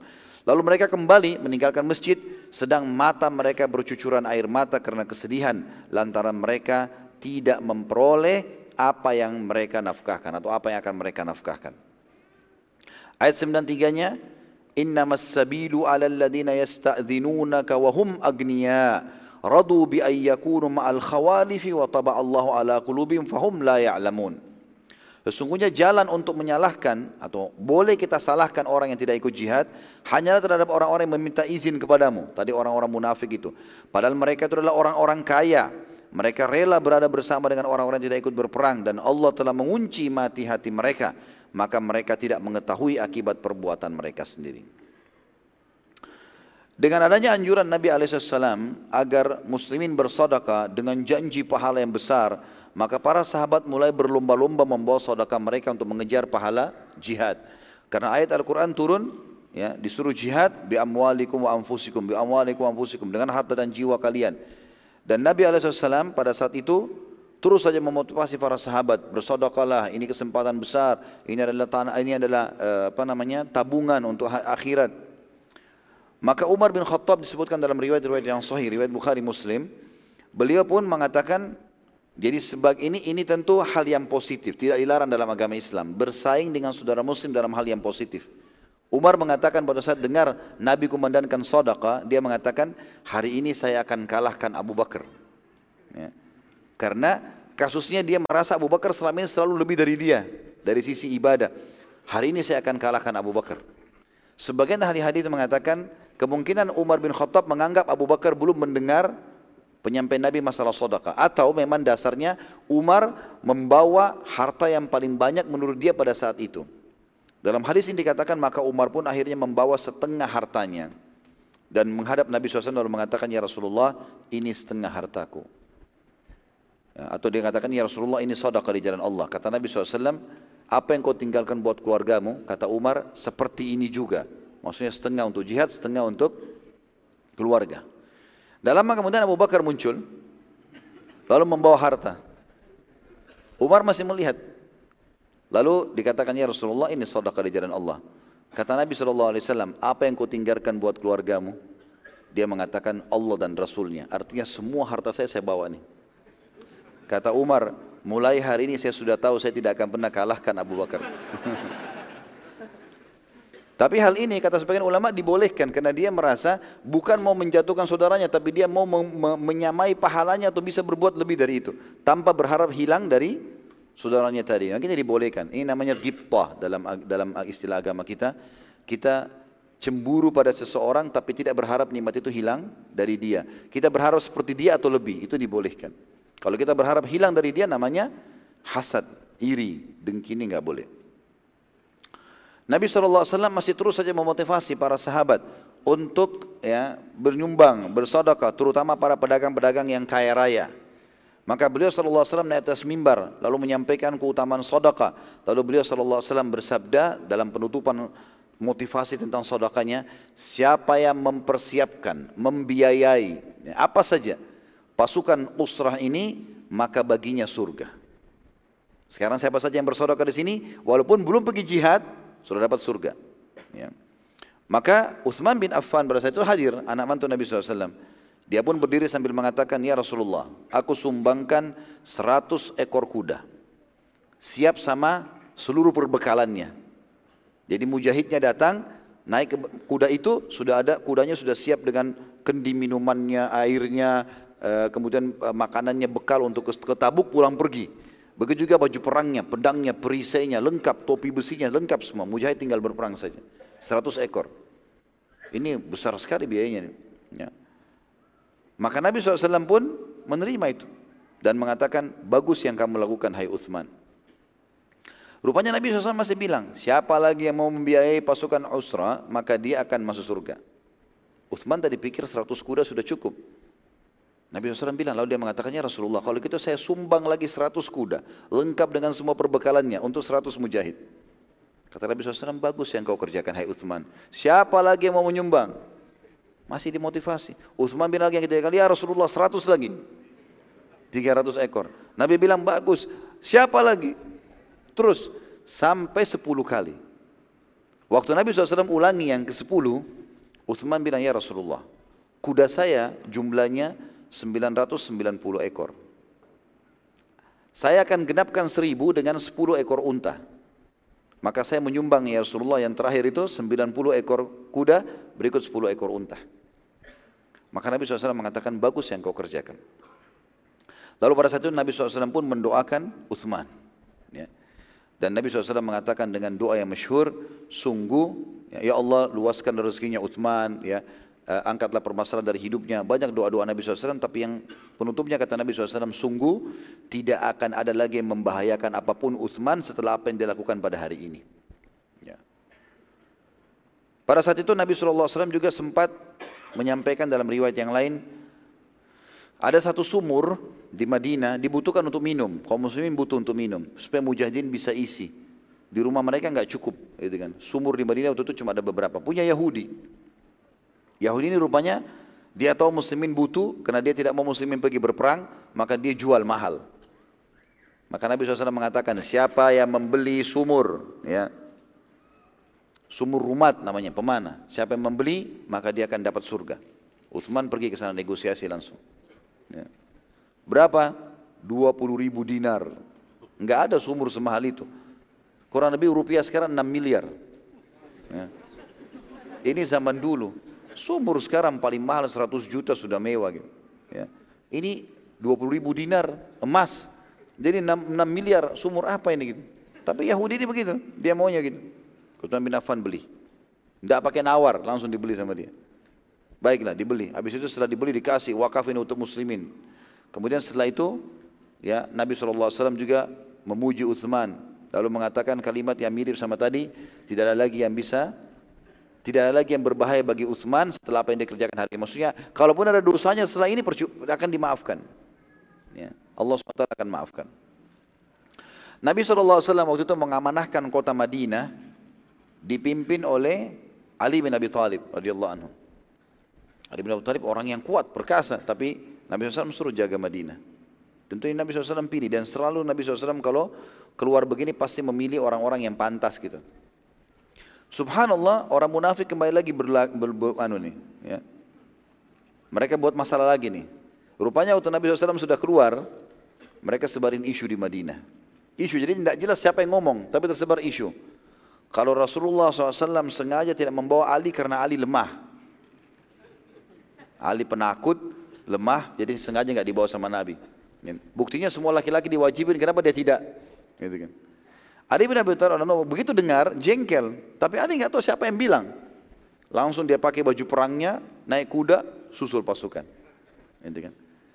Waktu pas bergabung dengan pasukan, Nabi SAW punya tradisi setiap beberapa langkah, beberapa jauh gitu, tidak disebutin berapa milnya ya, pasti Nabi SAW istirahat dulu. Berikan kesempatan pasukan istirahat. Ya. Kemudian baru jalan lagi. Di sini Ali bin Abi Thalib bergabung di tempat istirahat pertama Nabi SAW. Nabi lihat dia. Nabi SAW tanya, Hai Ali, apa yang membuatmu meninggalkan Madinah? Dia bilang, ya Rasulullah, telah tersebar berita, wahai utusan Allah, kalau aku, anda tidak membawa aku karena aku ini lemah dan penakut, tidak layak ikut perang. Kata Nabi SAW, tidak demi Allah. Apakah engkau merasa menjaga keluargaku, istri-istri Nabi ada di Madinah, dan menjaga keluargamu Bukan hal yang penting? Apa engkau tidak ingin hai Ali terposisikan seperti Harun dari Musa? Tetapi ketahuilah tidak ada nabi setelahku. Nah ini sering kali hadis ini juga disalahgunakan yang diambil potongan saja. Kan?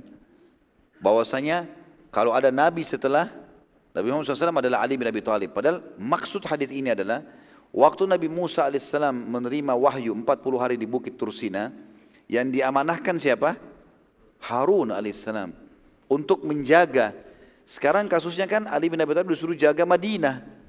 Maka Nabi menarik itu mengatakan, bukankah kau, tidakkah kau mau seperti kasusnya dulu Harun waktu dipercayakan oleh Musa menjaga pada saat dia pergi?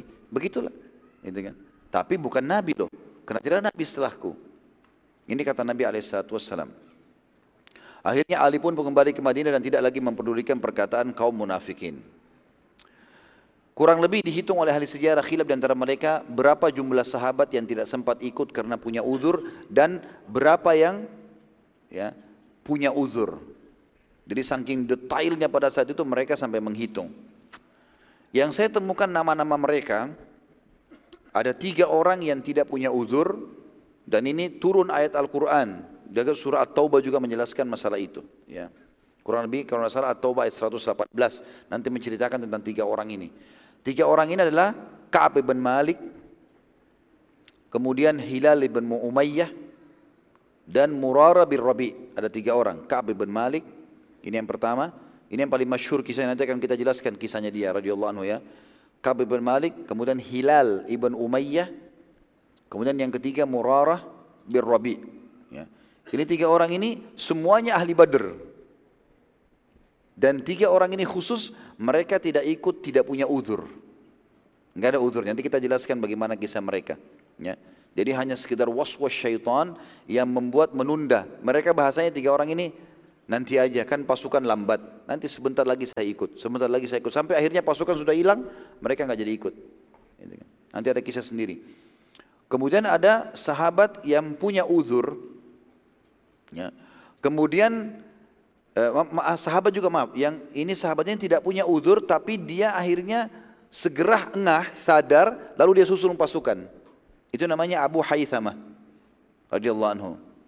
Abu Haythamah ini juga tidak punya uzur, hampir dia tidak ikut berperang. Nanti kita jelaskan apa sebabnya dalam kisah Abu Haythamah radhiyallahu anhu.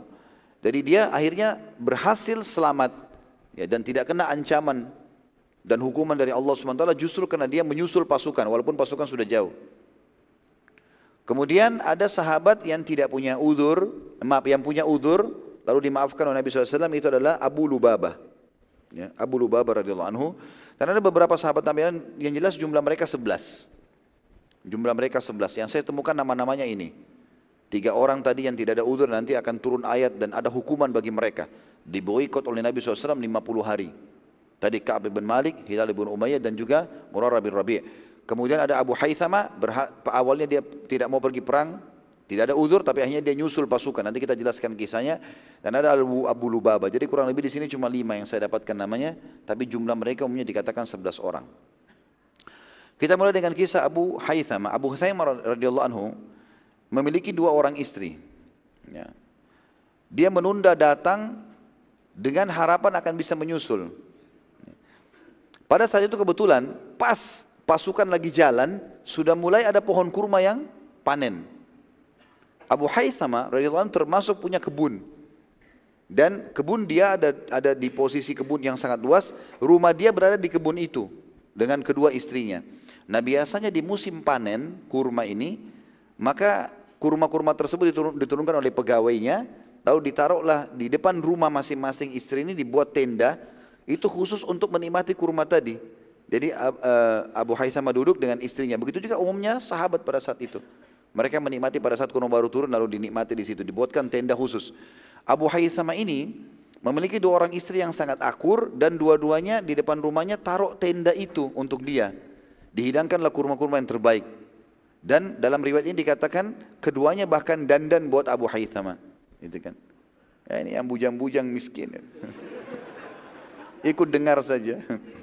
Ini orang sudah dua orang istri, dua-duanya akur, dua-duanya nyiapin makanan. Ya.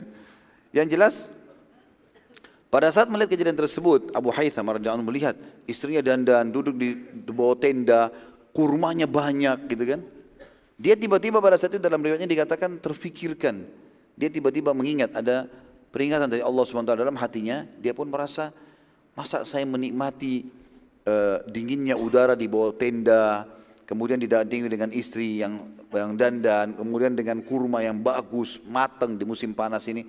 Sementara Rasulullah SAW kepanasan. Maka dia bilang kepada kedua istrinya, saya tidak akan demi Allah menikmati satu butir kurma pun di sini. Dan juga menyentuh kalian sampai saya menyusul pasukan Nabi SAW. Jadi dia tinggalkan kurma yang matang, dia tinggalkan istrinya yang siap untuk biologi sama dia, anhu. Ini karena memikirkan jihad. Dan nanti kita lihat gara-gara perbuatan ini dia selamat dari hukuman Allah. Karena ini jihad wajib, dia kan tidak punya udur. Maka dia pun mengatakan pada kedua istrinya, siapkan siapkan perlengkapan perang saya. Lalu dua-duanya mempersiapkan. Setelah selesai, Abu Haythama sendirian pergi menyusul pasukan. Subhanallah, Nabi SAW orangnya sangat jeli. Setiap kali pasukan istirahat, Nabi pasti kecek satu-satu. Keliling di semua tempat istirahat. Mana si fulan, mana si fulan. Nabi hafal nama-nama mereka. Jumlahnya banyak sekali ini. Ya dihafal sama Nabi SAW. Dan perang tabuk ini teman-teman terjadi setelah perang Hunain tadi.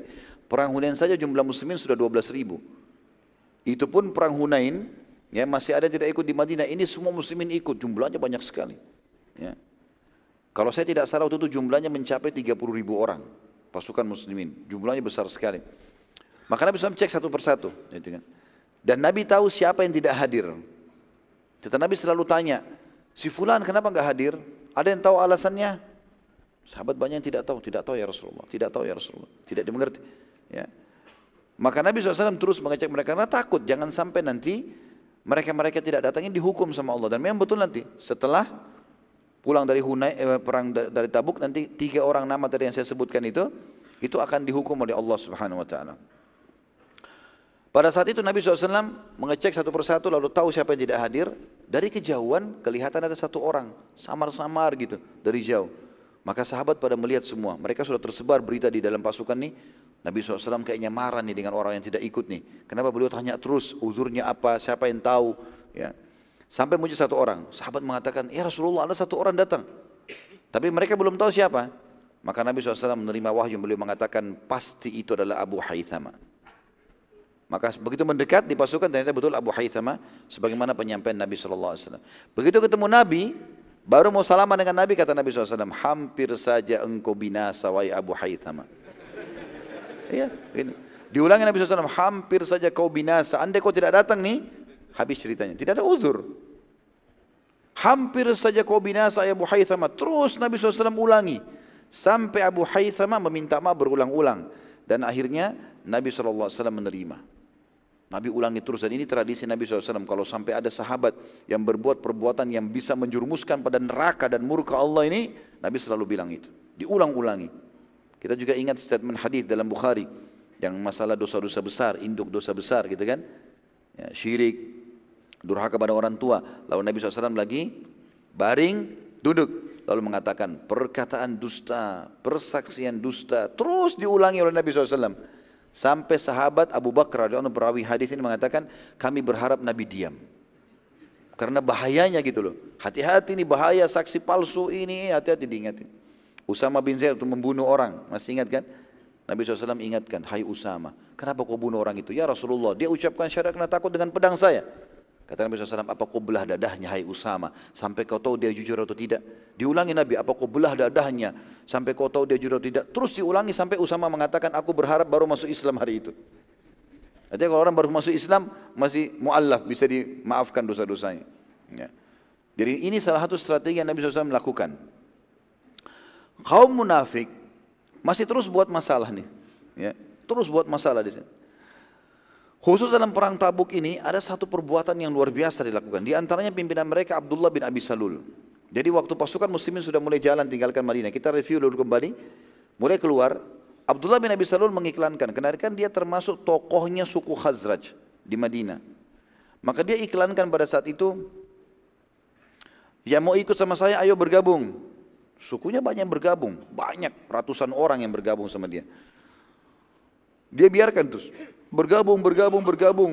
Pasukan sudah mulai jalan, mereka mau jalan. Tunggu sebentar, tunggu. Kita akan nyusul, gampang, mudah. Di, di, di, di, dibuat supaya muslimin tidak tidak bergerak. Dan karena orang ada yang percaya sama dia, maka ikut-ikutan, gitu kan. Setelah pasukan tidak kelihatan, apa kata Abdullah ini? Sekarang musim panas. Dan sebentar lagi kita panen kurma. Maka lebih baik kita tunggu, panen, besok kita nyusul. Artinya minimal ada kurma yang kita bisa ambil dulu, gitu kan. Terus saja dia melakukan itu agar kita panen dulu, baru kita nyusul pasukan muslimin. Dengan tujuan sebenarnya agar pasukan muslimin berkurang dan ia berhasil melakukannya. Ternyata banyak yang ikut. Tidak keluar akhirnya gitu. Namun ia, ia juga dari satu sisi teman-teman sekalian sudah mengutus dengan pasukan muslimin orang-orang munafik. Tujuannya untuk mengintai perkembangan muslimin, melakukan pasukan. Nanti kita lihat dalam dalam perjalanan ini banyak perbuatan-perbuatan mereka yang buruk sekali mengacaukan muslimin. Dan ini pelajaran teman-teman, sejarah tidak akan bohong. Apalagi ini adalah sejarah Nabi alaihissalatu wassalam. Ya. Ini keadaan kaum munafikin di setiap waktu dan tempat. Mereka berkedok seakan-akan muslim yang dengan demikian mereka leluasa memerangi dan mengganggu kaum muslimin. Kita bedain teman-teman munafik yang tulen dengan orang yang ada ciri kemunafikan padanya. Beda ya. Beda itu. Munafik tulen ini adalah memang dia non muslim tapi pura-pura Islam. Itu munafik yang sedang kita bahas ini. Bisa dia pakai nama Islam, bisa dia pernah pendidikan sebagai umat Islam, tapi pura-pura memang dasarnya tidak mau masuk Islam. Dia sengaja mencari kesalahan umat Islam. Ada orang yang kena ciri-ciri munafik. Yang kata Nabi SAW ciri-ciri orang munafik ada tiga riwayatnya ada empat. Ya. Kalau berbicara bohong, kalau dia berikan amanah dia berkhianat, kalau dia berjanji dia memungkiri, kalau dia bertengkar atau berdebat dia curang. Maka ini ciri-ciri. Kalau terus dibiarkan pada diri kita, kita bisa sampai pada munafik yang besar nanti. Tapi di sini munafik tulen yang dimaksudnya adalah pura-pura Islam. Memang orang non Muslim, tapi namanya nama Islam. Ciri mereka adalah yang disebutkan dalam banyak kisah ini. Kalau mereka sengaja mencari kesalahan umat Islam. Nabi SAW bilang A, dia bilang B. Jihad, jangan jihad. Orang berbuat kebaikan tadi saudara ria. Orang ini dicari masalah supaya umat Islam itu merasa tidak atau supaya mereka tidak mau melakukan perintah-perintah agama. Yang jelas ringkas cerita teman-teman sekalian, kita masuk ke masalah peperangan Nabi SAW. Waktu sudah tiba di lokasi Tabuk. Ya. Nabi SAW yang paling pertama dan ini adalah instruksi Nabi SAW dan ini instruksi berlaku bagi semua pemimpin perang. Begitu sudah tiba di lokasi perang, sebelum menyerang, kirim dulu surat. Nabi SAW mengirim surat kepada Heraklius. Bahasa Arabnya Herakl. Ya, dalam riwayat Bukhari. Ini kalau masih ingat Heraklius ini yang pernah menanyakan tentang siapa Nabi SAW kepada Abu Sufyan. Gitu kan? Dan akhirnya Heraklius ini sempat syahadat waktu itu. Tapi dia murtad lagi dari Islam gara-gara takut kekuasaannya hilang. Suratnya masyhur adalah setelah tahmid dan salawat pada diri beliau sallallahu alaihi isinya aku mengajakmu menuju kepada surga yang luasnya seperti langit dan bumi. Bila engkau menolak, maka engkau akan menanggung dosa semua masyarakatmu termasuk para petani-petani yang ada di pedalaman. Heraklius waktu itu sudah membaca surat Nabi SAW, maka dia memerintahkan para pengawal mendatangkan seorang anak muda yang kuat fisiknya, cerdas akalnya, bisa dipercaya dan kuasai bahasa Arab. Cari di seluruh lokasi Tabuk.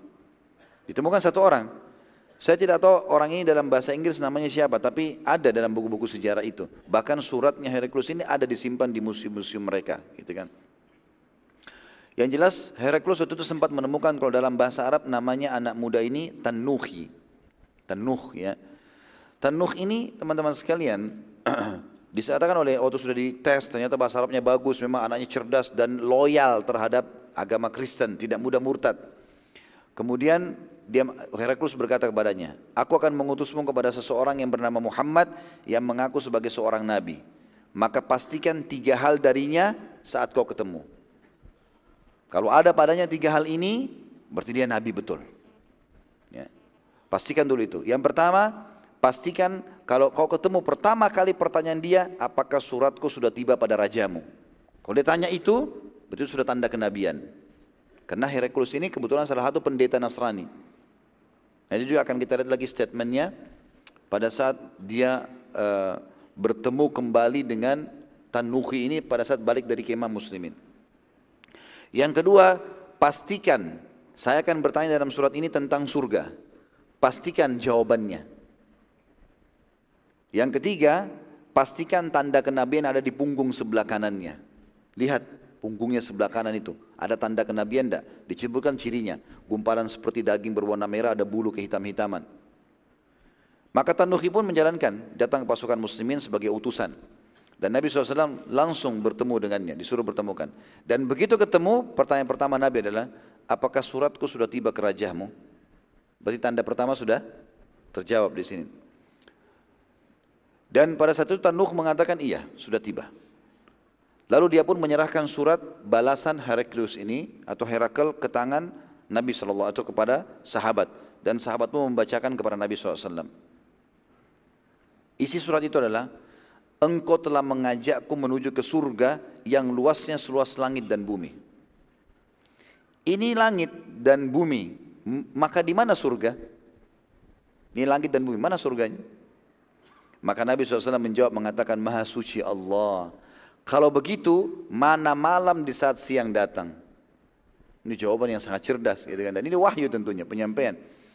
Luas langit dan bumi iya. Sekarang langit ini semua kayak siang begini terang. Baik mana malam hari sekarang? Padahal dia juga makhluknya Allah. Begitu juga dengan pada saat malam datang, mana siangnya? Maka ini jawaban, rupanya Heraklius sudah menyampaikan kepada Tanuhi, jawabannya seperti ini. Kalau dia jawab seperti itu, ya bahwasanya mana malam dari siang ya, atau mana malam kalau siang datang maka itu adalah jawaban kenabian sekarang tinggal tanda yang ketiga melihat tanda di badan Nabi SAW tapi Tanuhi tidak mau bilang saya mau lihat tanda kenabianmu enggak Maka dia coba menjaga. Dia lalu meminta kepada Nabi SAW untuk tinggal di perkemahan muslimin beberapa hari. Tinggal tiap hari. Dan subhanallah setiap hari Nabi SAW khusus datang mendakwahi dia ini. Diajak Islam, tetap kokoh. Ya. Enggak mau murtad. Dari agamanya maksudnya. Ya. Karena mereka anggap kalau masuk Islam murtad gitu kan. Kemudian Nabi SAW terus dakwai, sampaikan dalil-dalil, bukti-bukti. Tetap nggak mau. Jawabannya selalu tanuhi. Sampai lima hari Nabi dakwain. Ya, dan sebagian hadis sejarah mengatakan belum ada orang didakwai Nabi langsung lima hari seperti ini. Biasanya cuma sekali dua kali disampaikan masuk Islam. Ini lima hari tiap hari Nabi dakwain sendiri. Selalu jawabannya, sesungguhnya aku hanya bagian dari kaumku. Bila mereka masuk Islam, aku juga masuk Islam. Setelah melihat Tanuhi menghabiskan beberapa hari di tengah pasukan muslimin, Nabi SAW sudah tahu ini, ada sesuatu yang dia tunggu. Maka Nabi SAW panggil dia ke dalam kemah. Begitu datang dalam kemah Nabi SAW, Nabi bukain bajunya. Apakah ini yang kau tunggu? Dilihatkan tanda kenabiannya. Kata Tanuhi, iya. Maka setelah itu dia pun pulang. Waktu dia pulang, dia laporan kepada Hercules semuanya. Hercules sudah tahu ini. Kalau ini adalah Nabi. Nabi SAW waktu lihat Tanuhi pergi, boleh membaca surah Al-Qasas. Ayat 20, surah nomor 28 ayat 56. Ya.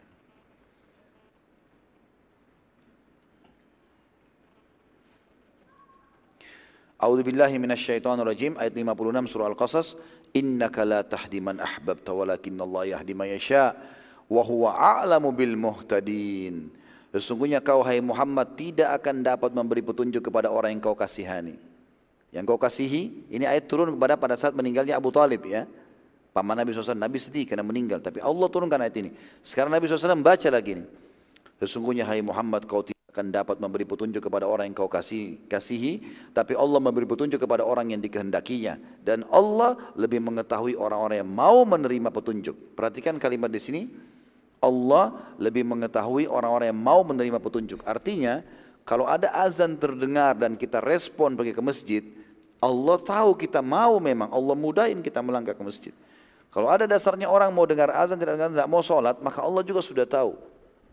Dan ini makna juga daripada firman Allah, Yahdi man yasha wa yudillu man yasha. Allah memberikan petunjuk siapa yang dia inginkan karena Allah tahu kebaikan dalam hatinya atau Allah sesatkan. Maksudnya memang dasarnya Allah tahu dia sesat orang ini. Memang nggak mau berbuat baik. Gitu kan. Seperti itulah. Setelah seluruh informasi sampai kepada Hercules ini, dan dia sangat yakin dengan informasi tadi, dia sudah tahu ini pasukan muslimin di depan bentengnya mereka. Maka dia tanya orang-orang Romawi pada saat itu, pasukan perangnya, tangan-tangan kalian dikumpulin semua. Lalu dia mengatakan, apakah kalian telah siap berperang? Tanya, mereka jawab, iya. Bukankah kita penguasa terbesar di bumi sekarang? Yang waktu itu pasukan Romawi terkuat. Ya. Apalagi setelah kejadian mereka mengalahkan Persia dalam surah Ar-Rum diceritakan. Ini kejadian setelah itu. Dan mereka betul-betul jadi penguasa Persia sudah jadi nomor dua. Dulunya Persia sampai ini mereka bersaing. Heraklius selalu mengumpulkan lagi atau mengatakan kepada mereka lagi, kalian sangat mengetahui pengetahuanku tentang Injil dan keteguhanku terhadap agama Nasrani. Apakah kalian yakin itu? Kata mereka, ya, kami tidak ragu sedikit pun. Kamu adalah raja kami dan pendeta kami. Kata Heraklius lagi, sungguh kalian sudah mengetahui kalau sekarang masa atau zaman keluarnya Nabi terakhir. Dan semua tanda-tanda kenabian yang disebutkan dalam Injil ada pada orang ini. Maka aku mengajak kalian kepada salah satu dari tiga perkara. Kata mereka, apa saja pilihan itu? Yang pertama, kata Heraklus, kita semua beriman padanya. Karena dialah Nabi terakhir yang disebutkan dalam Injil. Jadi sebenarnya dia sudah mendakwai kaumnya. Tapi subhanallah cinta dunia mengalahkan itu. Nanti kita lihat dalam closing pertemuan ini. Atau uh, statement ini. Dan ini juga terjadi pada saat dia menerima surat Nabi Shallallahu Alaihi Wasallam ya untuk mengajak masuk Islam dan dia syahadat. Tapi karena banyak pendeta yang menolak pada saat itu, maka dia pun murtad dari agama Islam.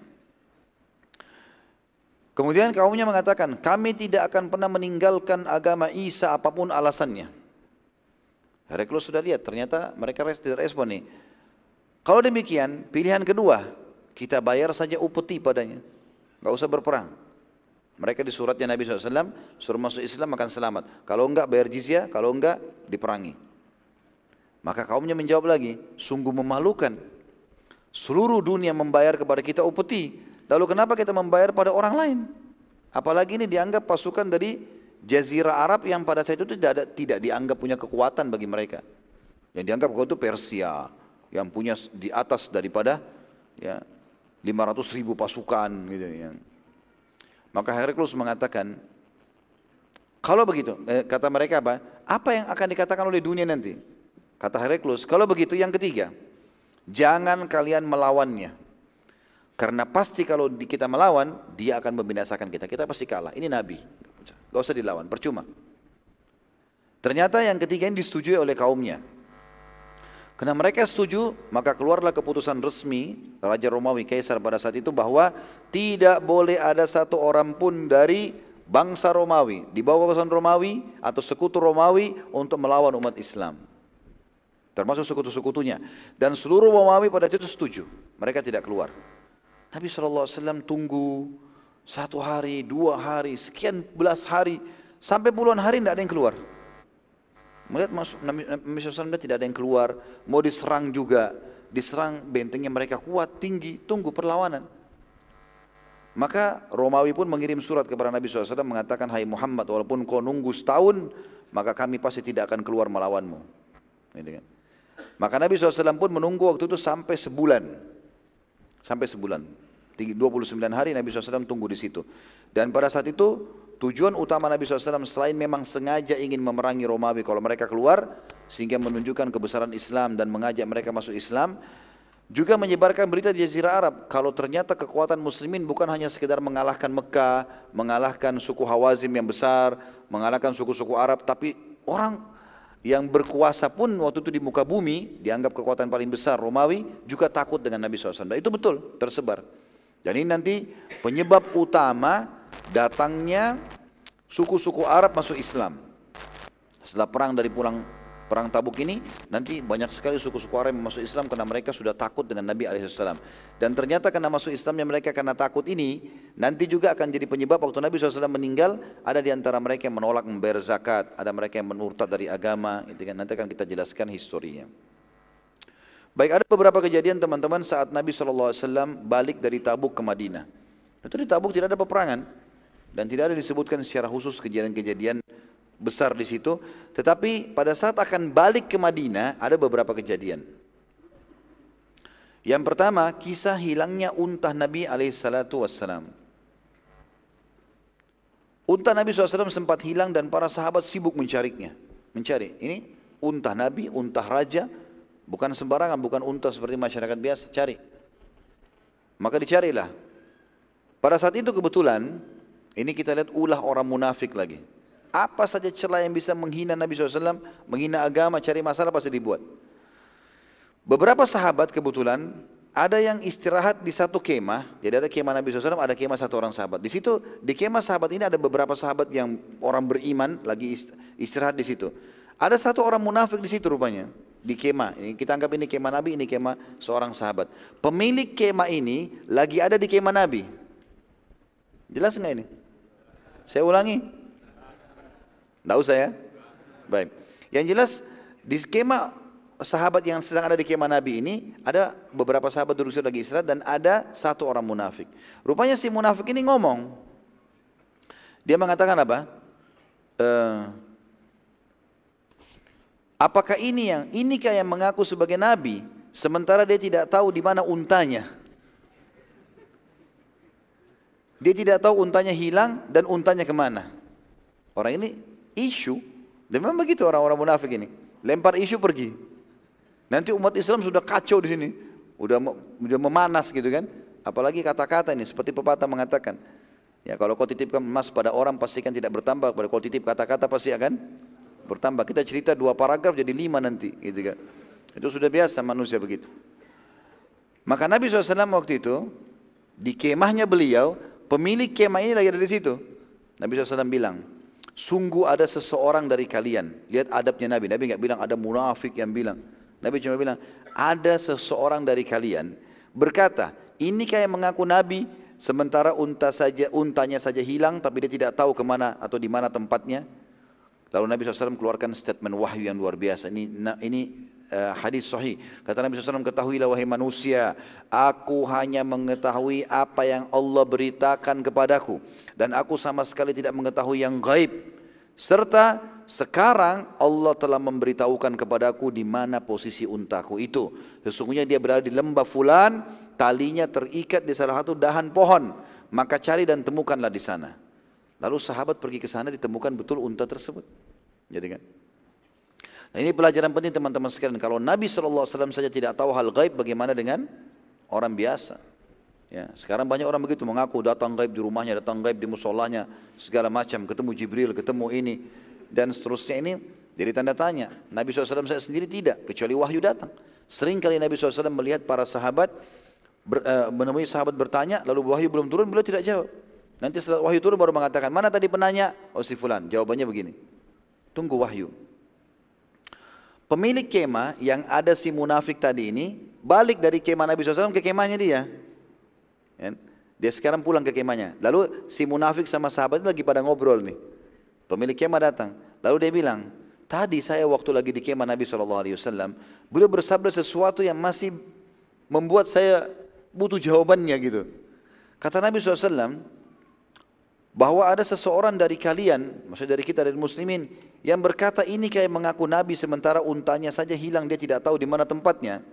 Dan Nabi SAW bersabda, ketahuilah wahai manusia, sungguh aku tidak mengetahui uh, kecuali apa yang telah Allah beritakan kepadaku. Dan aku sama sekali tidak mengetahui hal-hal yang gaib. Sekarang Allah telah memberitahukan kepada aku melalui wahyu tempat unta tersebut. Di lembah fulan dan tali kekangannya terikat di salah satu dahan pohon. Maka disuruhlah para sahabat untuk mencari. Maka setelah dicari pun ya para sahabat menemukannya. Setelah itu ya ada seorang sahabat di situ bilang, apakah engkau tahu siapa yang Nabi maksudkan? Kata dia, tidak. Kata mereka satu kemah bicara, ini orangnya. Ini orang yang tadi ngomong ini. Dan mereka juga kaget bagaimana bisa Nabi sampaikan di kemah sebelah gitu. Ya. Maka pemilik uh, kemah tersebut berdiri lalu menggebuki si munafik tadi. Ya, dipukul. Itu kisah tentang unta Nabi alaihissalam. Yang kedua kisah wasyal ya. Wasyal ini uh, air terjun kecil. Mata air tapi di atas di tengah-tengah batu biasanya tuh ini keluar. Jadi dia jatuh. Jadi dianggap kayak mata air kecil tapi dia karena di atas dinamakan dengan wasyal. Nabi SAW waktu itu menyampaikan kepada seluruh pasukan, lagi menuju ke Madinah nih, sudah mulai bergerak pasukan pulang. bahwa mereka nanti akan melewati wasyal ini, air terjun ini. Maka siapa pun yang tiba di lokasi tersebut duluan, jangan meminum sedikit pun dan jangan sentuh air itu. Karena kan jalanan padang pasir tuh. Dari perjalanan kota dari wilayah Tabuk ke Madinah itu padang pasir sampai sekarang pun masih padang pasir kecuali yang sudah ada bangunan-bangunan rumah kota-kota. Dari zaman dulu tuh masih gunung-gunung batu gitu ya. Maka Nabi SAW pesan, jangan kalau ada yang tiba duluan, jangan sentuh mata air itu. Tunggu saya. Satu, satu pasukan sudah tahu nih instruksinya. Orang munafik lagi buat masalah. Hmm? Ulang lagi. Rupanya mereka dengar hadis itu, sampai Nabi itu. Mereka sengaja memicu kudanya lebih dulu sampai ke sana. Dan begitu dapat air, diminum. Buat masalah. Gitu kan? Diminum sama dia. Dan perhatikan teman-teman, gara-gara pelanggaran ini lihat efeknya. Maka diminum oleh mereka, pesta-pesta, ketawa-ketawa di sana. Memang tujuannya mau mengacaukan nih. Begitu Nabi SAW tiba, lihat sudah ada orang yang tiba dan sudah minum air di situ. Dan mereka bukan minum terus sembunyi, enggak. Minum sengaja memperlihatkan kalau mereka minum. Tujuannya juga untuk mengajak pasukan untuk melanggar sunnah Nabi SAW ini. Maka Nabi SAW waktu tiba di situ beliau marah. Lalu beliau mengatakan semoga Allah melaknat mereka. Orang-orang itu.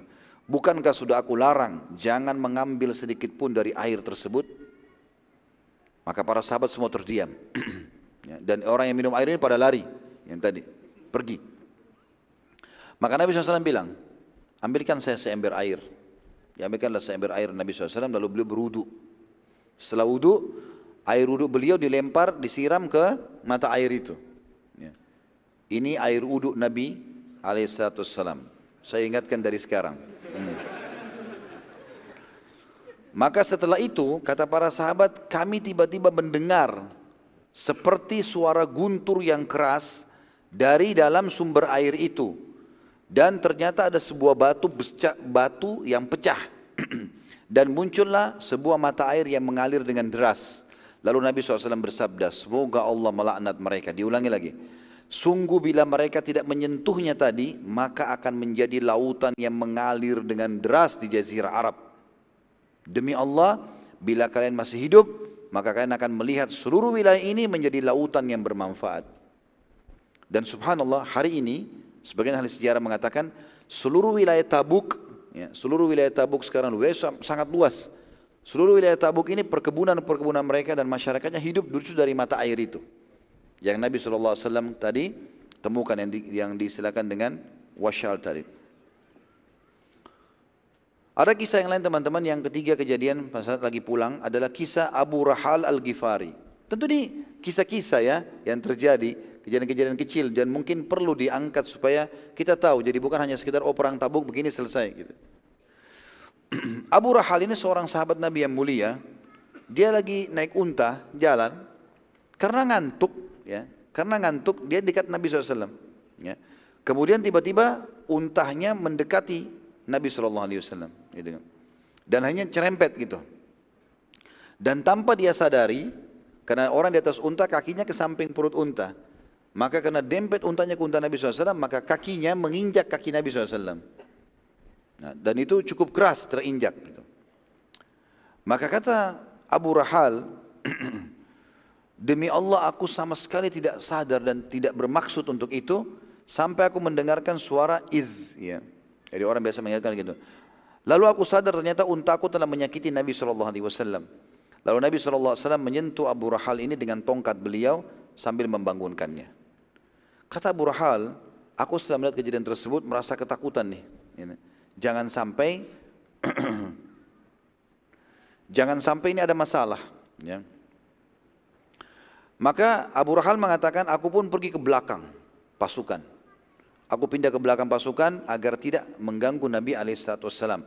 Dan saat pasukan istirahat, aku pergi jauh membawa kambing-kambing dan untaku. Dan ini salah satu sahabat yang bawa kambing untuk memberikan makan mujahidin, gitu kan? Aku membawa kambing-kambingku jauh mengembala di padang pasir dengan untaku. Dan itu tujuannya agar aku tidak dicari oleh Nabi SAW. Takutnya Nabi tegur gara-gara itu. Pada saat aku balik, lihat pasukan sudah bergerak dari jauh, aku balik. Lalu aku bertanya, apakah Rasulullah SAW mencariku? Dia tanya teman-temannya. Mereka bilang, iya. Abu Rahal mengatakan, demi Allah, aku khawatir jangan sampai ayat Al-Quran turun padaku. Jangan sampai gara-gara ini jadi masalah. Al-Quran ditilawah sampai hari kiamat. Jadi orang kalau berbuat baik zaman itu, maka dikenang sampai hari kiamat. Orang kalau buat jahat bahaya juga. Pada saat tiba di hadapan Nabi SAW, maka beliau pun berkata, Wahai Abu Rahal, sungguh kau, engkau telah menyakitiku. Tadi kakimu itu injak itu sakit. Gitu. Abu Rahal mengatakan, demi Allah aku tidak menyadari wahai Rasulullah. Dan aku minta maaf. Maka Nabi SAW pun mengatakan, baiklah aku maafin. Tapi tadi aku waktu membangunkanmu, aku sempat menyentuhmu dengan tongkatku. Dibangunkan dengan tongkat karena jaraknya cukup jauh dibangunkan dengan tongkat. Maka ambillah tongkat ini dan lakukan hal yang sama pada tubuhku sebagai balasan. Kisos. Nabi SAW dengan adilnya. Betul Abu Rahal menyakiti kaki beliau. Tapi begitu Abu Rahal minta maaf dimaafin. Berarti sudah selesai. Tapi tadi Nabi SAW sentuhin dengan tongkat. Nah itu juga masalah. Ini kisos saya sekarang. Maka Abu Rahal radhiyallahu anhu dengan gembira mengatakan, tidak ya Rasulullah itu hak anda dan aku tidak akan membalas dan sudah memaafkannya.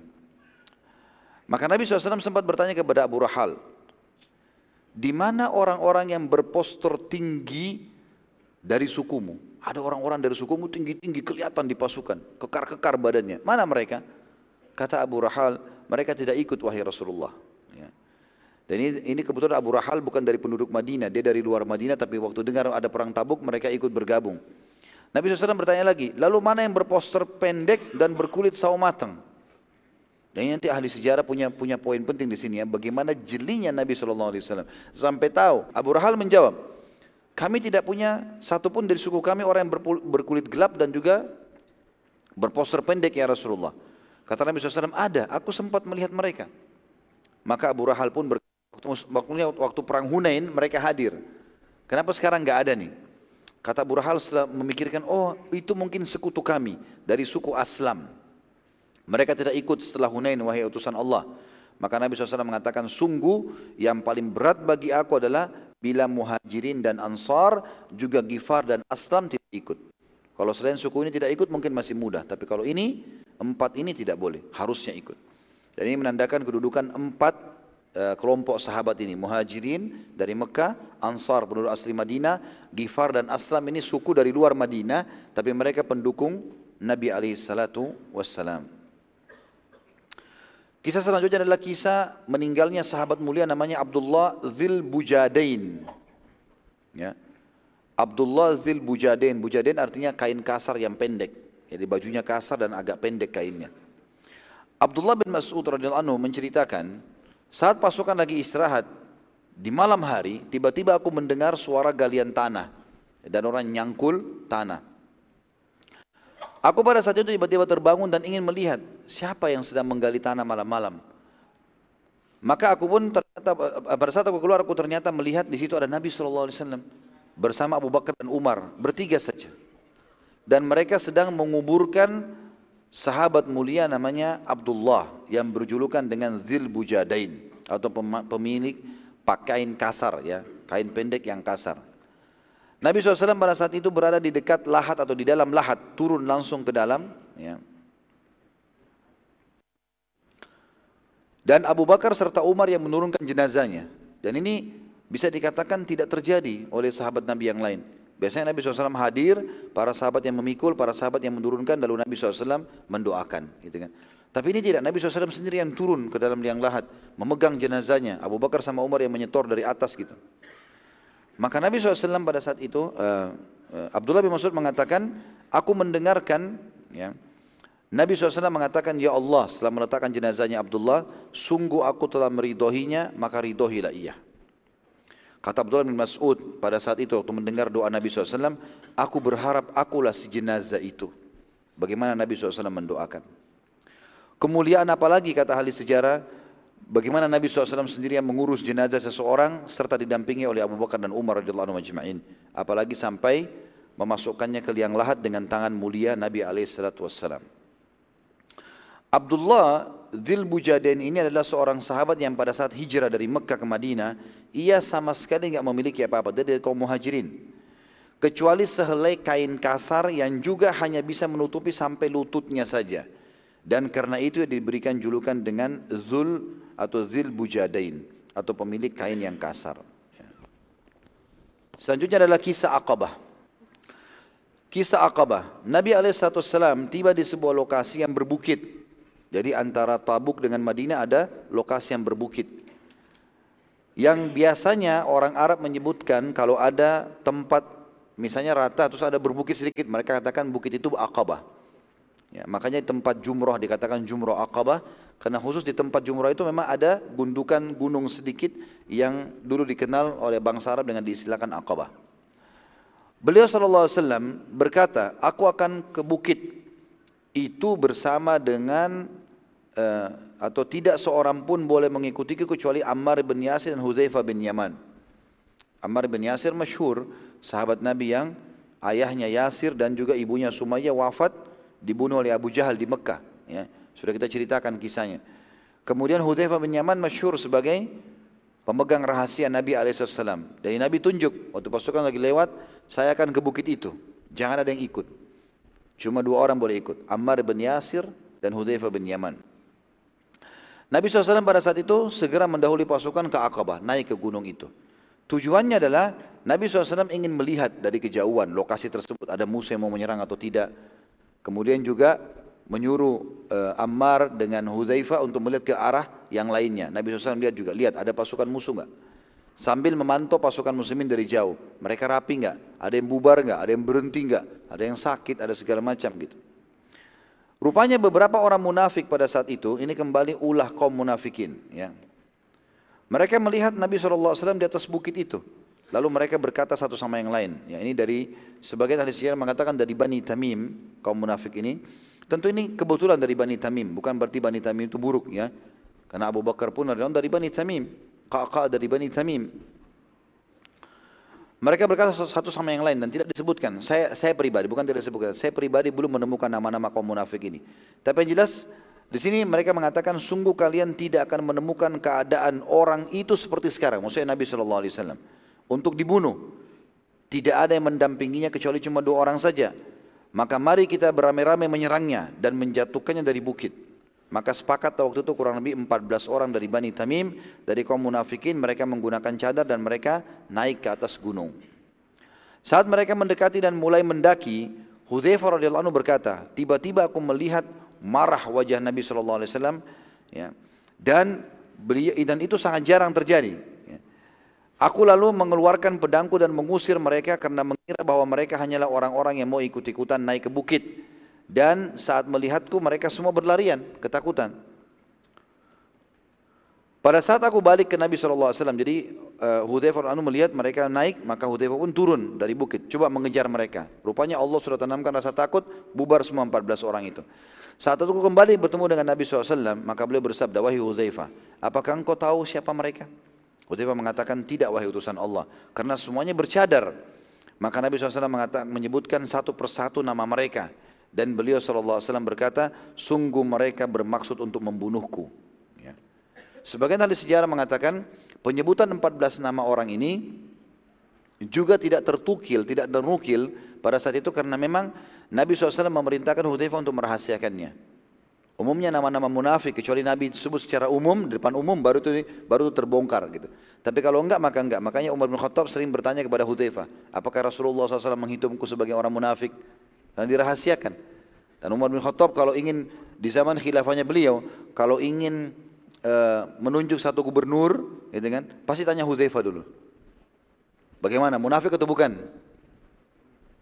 Atau dia lihat kalau ada jenazah lagi disolati, maka dia bilang, gitu kan? Amu Umar mengatakan, saya akan solati kalau Hudzaifah solati. Kalau tidak solati berarti orang munafik. Hudzaifah berarti itu orang munafik, nggak usah solati. Seperti itu. Jadi Hudzaifah jadi patokan gitu. Ya. Sampai pernah satu kali di zaman khilafahnya Umar, Umar mengatakan, Hai Hudzaifah, apakah ada orang munafik di dalam kepemimpinanku. Umar bin Khattab ini. Orang yang luar biasa jelihnya, orang yang luar biasa luas ilmunya, kekuatan imannya. Kata Hudzaifah, ada. Ada orang munafik. Lalu Umar tanya, siapa? Kata Hudzaifah, saya tidak akan bilang. Rasulullah larang bongkar. Nggak boleh. Amanah, gitu kan. Maka Umar pun terus menelusuri sampai dia temukan siapa orang munafik dan dikeluarkan diturunkan dari jabatannya. Bayangkan Umar aja terkelabuhi. Gitu.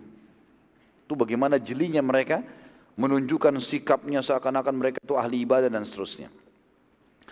Dan di sini ulama saya coba mencari, belum saya temukan kenapa uh, Ammar bin Yasir, bagaimana dengan Ammar bin Yasir, apakah dia hafal juga 14 orang itu atau tidak Allah alam, tapi Hudzaifah yang disebutkan. Dan Nabi SAW mengatakan sungguh setelah menyebutkan nama-nama mereka, mereka bermaksud membunuhku. Maka Hudzaifah lalu berkata, wahai utusan Allah, apakah perlu aku sampaikan kepada kepala suku mereka agar mendatangkan kepala setiap pengkhianat itu, maka Nabi SAW mengatakan jangan wahai Hudzaifah, jangan sampai orang-orang berkata Muhammad membunuh sahabatnya. Dan ini sebuah poin penting teman-teman sekalian masalah bagaimana kita bermuamalah dan kaum munafikin karena mereka menggunakan nama-nama Islam, gitu kan? Muhammad, Yusuf, nama-nama Islam, gitu kan? Tapi Abdullah ya ini di zaman munafikin, ya, zaman Nabi SAW Abdullah bin Abi Salul dan Nabi SAW mengajarkan, bukan dengan cara dipenggal lehernya, dibunuh, tapi ada banyak hal. E, mereka diketahui, di hati-hati perbuatannya. Kalau mereka sebarkan isu, maka di counter isunya. Gitu kan? Dan mereka sama sekali tidak dikasih jabatan. Bahkan Imam Madhabi rahimahullah mengangkat sebuah hadis dalam kitab Al-Kabair beliau, kalau termasuk dosa besar, menjadikan orang munafik sebagai pemimpin. Sudah jelas lalu dijadikan sebagai pemimpin. Para sahabat setelah wafatnya Nabi SAW bila akan mensolati jenazah maka mereka menunggu Hudzaifah ada di tengah-tengah mereka. Bila Hudzaifah mensolati berarti mukmin dan bila tidak berarti orang munafik karena hanya Hudzaifah yang tahu siapa orang-orang munafik yang ditunjuk oleh Nabi SAW. Oleh karena itu Hudzaifah mendapatkan julukan dari para sahabat pemilik rahasia Nabi SAW. Kasus Aqabah ini Allah Allah yang Maha Sempurna menurunkan dalam firman-Nya surah At-Taubah Surah nomor 9 ayat 73 sampai 74. A'udzu billahi minasyaitonir rajim. Ya ayuhan nabiyyu jahidil kuffara wal munafiqina waghluz alaihim wa ma'wahum jahannam wa bi'sal masir. Yahlifuna billahi ma qalu. Sebentar, itu ayat 73. Saya baca dulu terjemahannya. Sampai wa bi'sal masir. Hai Nabi, berjihadlah melawan orang-orang kafir dan orang-orang munafik itu dan bersikap tegaslah kepada mereka tempat mereka adalah neraka jahanam dan ini adalah tempat kembali yang paling buruk. Ayat selanjutnya 74-nya yahlifuna billahi ma qalu wa laqad qalu kalimatal kufri wa kafaru ba'da islamihim wa hammu bima lam yanalu an aghnahumullahu wa rasuluhu min fadli fa in yatubu yaku khairan lahum wa in yatawallaw yu'adzibuhumullahu adzaban aliman fid dunya wal akhirah wa ma lahum fil ardi min waliyyin wala nasir mereka Orang-orang munafik itu bersumpah dengan nama Allah bahwa mereka tidak akan mengatakan sesuatu menyakitimu hai Muhammad. Sesungguhnya mereka telah mengucapkan perkataan kekafiran. Maksudnya tadi waktu mereka bilang ya, tidak ada kesempatan untuk yang lebih baik untuk membunuh kecuali pada saat ini. Sesungguhnya mereka telah mengucapkan perkataan kekafiran dan telah menjadi kafir sudah Islam dan dan mengingini, mengingini apa yang mereka tidak dapat mencapainya. Maksudnya adalah membunuh Nabi Shallallahu Alaihi Wasallam. Dan mereka tidak mencela Allah dan Rasulnya kecuali karena Allah dan Rasulnya telah melimpahkan karunia-Nya kepada mereka. Mereka dikasih rezeki, dikasih nikmat, kesempatan hidup dengan Nabi SAW, justru mereka kufur. Maka jika mereka bertaubat, Allah masih kasih kesempatan. Itu lebih baik bagi mereka. Dan jika mereka berpaling, tetap aja dalam kemunafikannya, niscaya Allah akan mengadab mereka dengan adab yang pedih di dunia dan juga di akhirat. Dan mereka sekali-kali tidaklah mempunyai pelindung dan tidak pula penolong di muka bumi. Kasus yang lain teman-teman sekalian adalah penghancuran masjid di Ror. Ini terjadi dalam prosesi pulangnya Nabi SAW ke Madinah. Pasukan muslimin pada saat mendekati kota Madinah,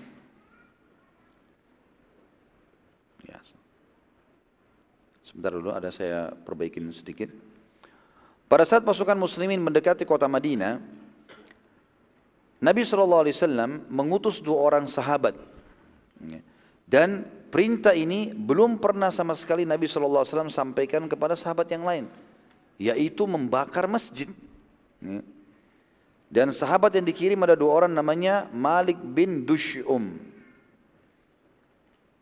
Dan Ma'an ibn Adi. Malik bin Dush'um dan Ma'an ibn Adi. Radiyallahu Juma'in untuk datang ke Madinah sebelum pasukan tiba dan membakar sebuah masjid yang dibangun oleh kaum munafikin di Madinah. Jumlah uh, orang-orang munafik di Madinah kata ahli sejarah sangat banyak, cukup banyak dan mereka sudah bermusyawarah dalam hal mengatur strategi untuk memerangi Nabi SAW dan muslimin. Pemimpin mereka yang bernama Abdullah bin Abi Salul dan Abu Amir Al-Fasiq. Ya. Kalau Abdullah bin Abi Salul antum sudah tahu dari suku Khazraj dan dia orang-orang munafik. Masyur sekali kisahnya, termasuk waktu dia meninggal, Nabi SAW dilarang untuk mensolatinya. Dan satu Madinah tahu siapa dia. Dia penyebar gosip juga zinanya, bohong, uh, berita bohong zina Aisyah dengan Safwan. Ya, radhiyallahu Kalau Abu Amir Al-Fasik ini adalah pimpinan Madinah sebelum Nabi SAW hijrah ke Madinah, namanya Abu Amir, julukannya Abu Amir, saya tidak tahu namanya, tapi Abu Amir dipanggil Al-Fasik ini gelar yang Nabi SAW berikan. Al-Fasik artinya orang yang buruk ya, fasik ya. Dia adalah orang yang dulu mau mencalonkan diri menjadi pemimpin Madinah, tapi setelah uh, Nabi SAW hijrah ke Madinah, malah masyarakatnya Madinah memilih Nabi SAW. Gara-gara itu dia pergi ke negeri Syam. Abu Amir ini mengatur strategi dengan Abdullah bin Abi Salul untuk selalu mencari kelemahan muslimin. Termasuk kalau antum masih ingat kita review perang perang Uhud, waktu terjadi perang Uhud, itu Abu Amir ini pulang dari negeri Syam ke Madinah, lalu dia membuat lubang-lubang di tempat pasukan muslimin. Ya, dan Nabi SAW sempat jatuh ke lubang itu, itu dibuat oleh Abu Amir al-Fasikin. Dia sepakat dengan Abdullah bin Abi Salul untuk membangun masjid. Ya. Lalu dia berkata kepada Abdullah, bangunlah masjid itu dan aku akan datang berpura-pura menjadi muslim, lalu dari sana kita mengatur penghancuran muslimin. Jadi nyata sekali mereka ingin memerangi muslimin. Masjid ini berhasil mereka bangun sebelum pasukan muslim meninggalkan Madinah ke Tabuk. Bahkan sempat mereka meminta Nabi SAW untuk sholat di dalamnya. Tetapi dengan hikmah Allah, Nabi SAW waktu itu sibuk dan menjawab, kalau sekarang aku sibuk dengan perang Tabuk, bila balik nanti kita lihat saja perintahnya Allah. Jadi Nabi SAW juga waktu itu belum mendapat perintah untuk merusak masjid tersebut. Pada saat balik dari perang Tabuk, Nabi SAW mendapat perintah dari Allah secara langsung untuk bukan sholat di masjid tersebut tapi membakarnya. Ya. Dan itu Allah ceritakan dalam Al-Quran, dalam surah Al-Taubah, surah nomor 9 ayat 107 sampai 110 tentang pembakar, perintah pembakaran masjid di Rar. Masjid yang dibangun oleh kaum munafikin dengan tujuan memerangi kaum muslimin. At-Taubah 107 sampai 110 ini berbunyi A'udzu billahi minasyaitonir rajim 107-nya والذين اتخذوا مسجدا ضرارا وكفرا وتفريقا بين المؤمنين وإرصادا لمن حارب الله ورسوله وإرصادا لمن حارب الله ورسوله من قبل ولا يحلفن إن أردنا إلا الحسنى والله يشهد إنهم لكاذبون dan di antara orang-orang munafik itu ada orang-orang yang mendirikan masjid untuk menimbulkan kemudaratan pada orang-orang mukmin, untuk kekafiran dan memecah belah antara orang-orang mukmin serta menunggu kedatangan orang-orang yang telah memerangi Allah dan Rasulnya. Maksudnya Abu Amir al-Fasik tadi. Mereka tunggu datang dari negeri Syam. Mereka sesungguhnya bersumpah kami tidak menghendaki kecuali kebaikan. Kami bangun masjid juga untuk baik-baik, untuk mendapatkan pahala dari Allah. Dan Allah menjadi saksi bahwa saya sesungguhnya mereka itu adalah pendusta. Itu ayat 107. 108-nya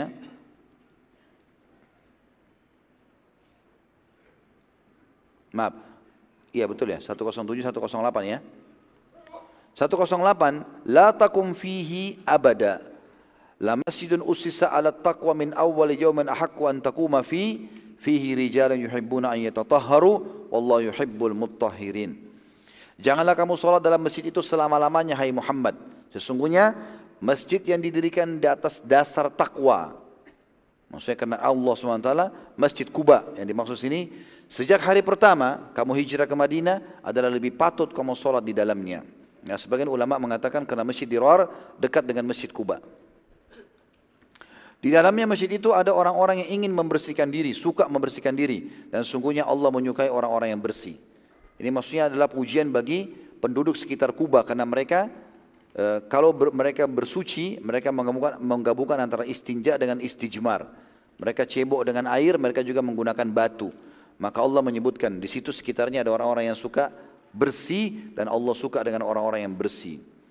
109-nya afaman assasa bunyanahu ala taqwa minallahi wa ridwanin khairun khairun amman assasa bunyanahu ala syafa jurfin harin fanhara bihi fi nari jahannam wallahu la yahdil qaumadh zalimin maka apakah orang-orang yang mendirikan masjidnya di atas dasar takwa kepada Allah dan keridhaannya itu baik?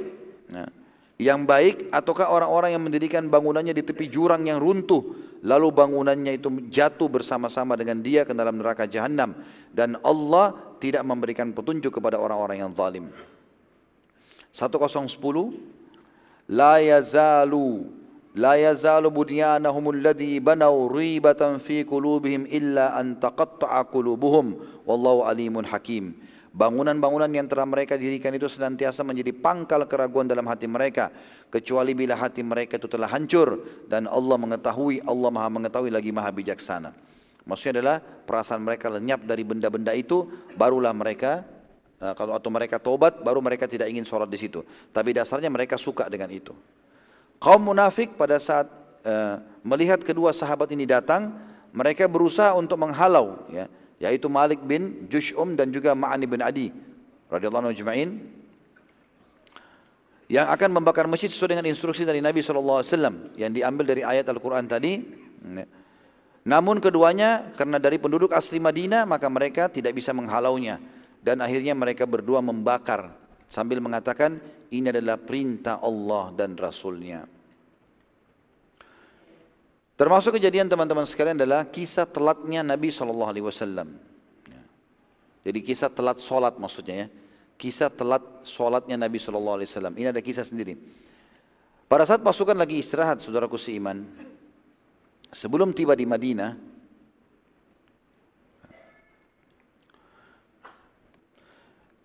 maka para sahabat menunggu Nabi SAW. Jadi nginap di situ. Pada saat sholat subuh, maka para sahabat menunggu Nabi SAW seperti biasa. Mereka tidak sholat sampai Nabi SAW mengimani mereka. Tapi mereka menunggu sampai matahari mau terbit. Nabi SAW tidak muncul-muncul nih. Gak ada. Maka para sahabat bingung, apakah mereka sholat saja atau menunggu Nabi SAW. Dan ini juga nanti keluar sebuah hukum syari ya. Iqamah itu, uh, azan itu milik muazzin. Artinya dia yang azan di waktunya. Tapi iqamah adalah milik imam ya, milik imam. Jadi kalau antum jadi imam, antum harus pastikan saya kalau telat 10 menit tidak datang, udah iqamah aja saya digantikan. Karena kalau tidak, termasuk sunnah Nabi SAW ditunggu imam itu. Yang jelas Nabi SAW tidak muncul-muncul pada saat itu. Sampai mau terbit matahari. Mereka bingung. Sekarang nunggu Nabi, ini sebuah hukum. Tunggu imam. Atau, eh, dan keluar keluar waktu subuh hilang, atau kita tetap sholat saja. Dan kita akhirnya melanggar itu. Gitu kan. Setelah mereka menyimpulkan dan mengusyawara, akhirnya mereka sepakat untuk sholat. Dan majulah Abdurrahman ibn Auf radhiyallahu sebagai imam. Ya. Karena mereka menganggap pada saat itu Abdurrahman adalah orang yang paling layak untuk itu. Pada rakaat kedua, Nabi SAW tiba-tiba datang. Pada rakaat kedua subuh. Dan beliau pun masbuk satu rakaat. Sholat di saf belakang. Gitu kan. Waktu salam, sahabat-sahabat yang ada di belakang ini tidak tahu kalau itu Nabi SAW. Begitu mereka lihat, mereka semua mengatakan Subhanallah. Gitu kan. Maka para sahabat di depan pun balik ke belakang dan melihat Nabi SAW ada di saf belakang. Belum pernah dalam sejarah ini. Ya. Pasti Nabi SAW ada di depan dan memimpin sholat gitu. Maka Nabi SAW mereka tunggu sampai Nabi SAW selesai sholat. Selesai sholat, Nabi SAW mengucapkan kalimat yang menjadi hukum syar'i. Beliau mengatakan, ahsantum. Bagus yang kalian lakukan ini, sudah benar. Ya, dan ini menjadi sebuah hukum syar'i. Kalau sudah mau keluar waktu, udah lewat, harus sholat. Walaupun imamnya nggak datang, gitu kan? Karena bisa saja imamnya meninggal, sakit, ada uzur, maka walaupun iqamah itu di tangan dia, itu saja kalau sudah mau keluar waktu, maka sholat itu. Juga ada hadis Nabi SAW sedikit saya tambahkan dalam tulisan saya ini.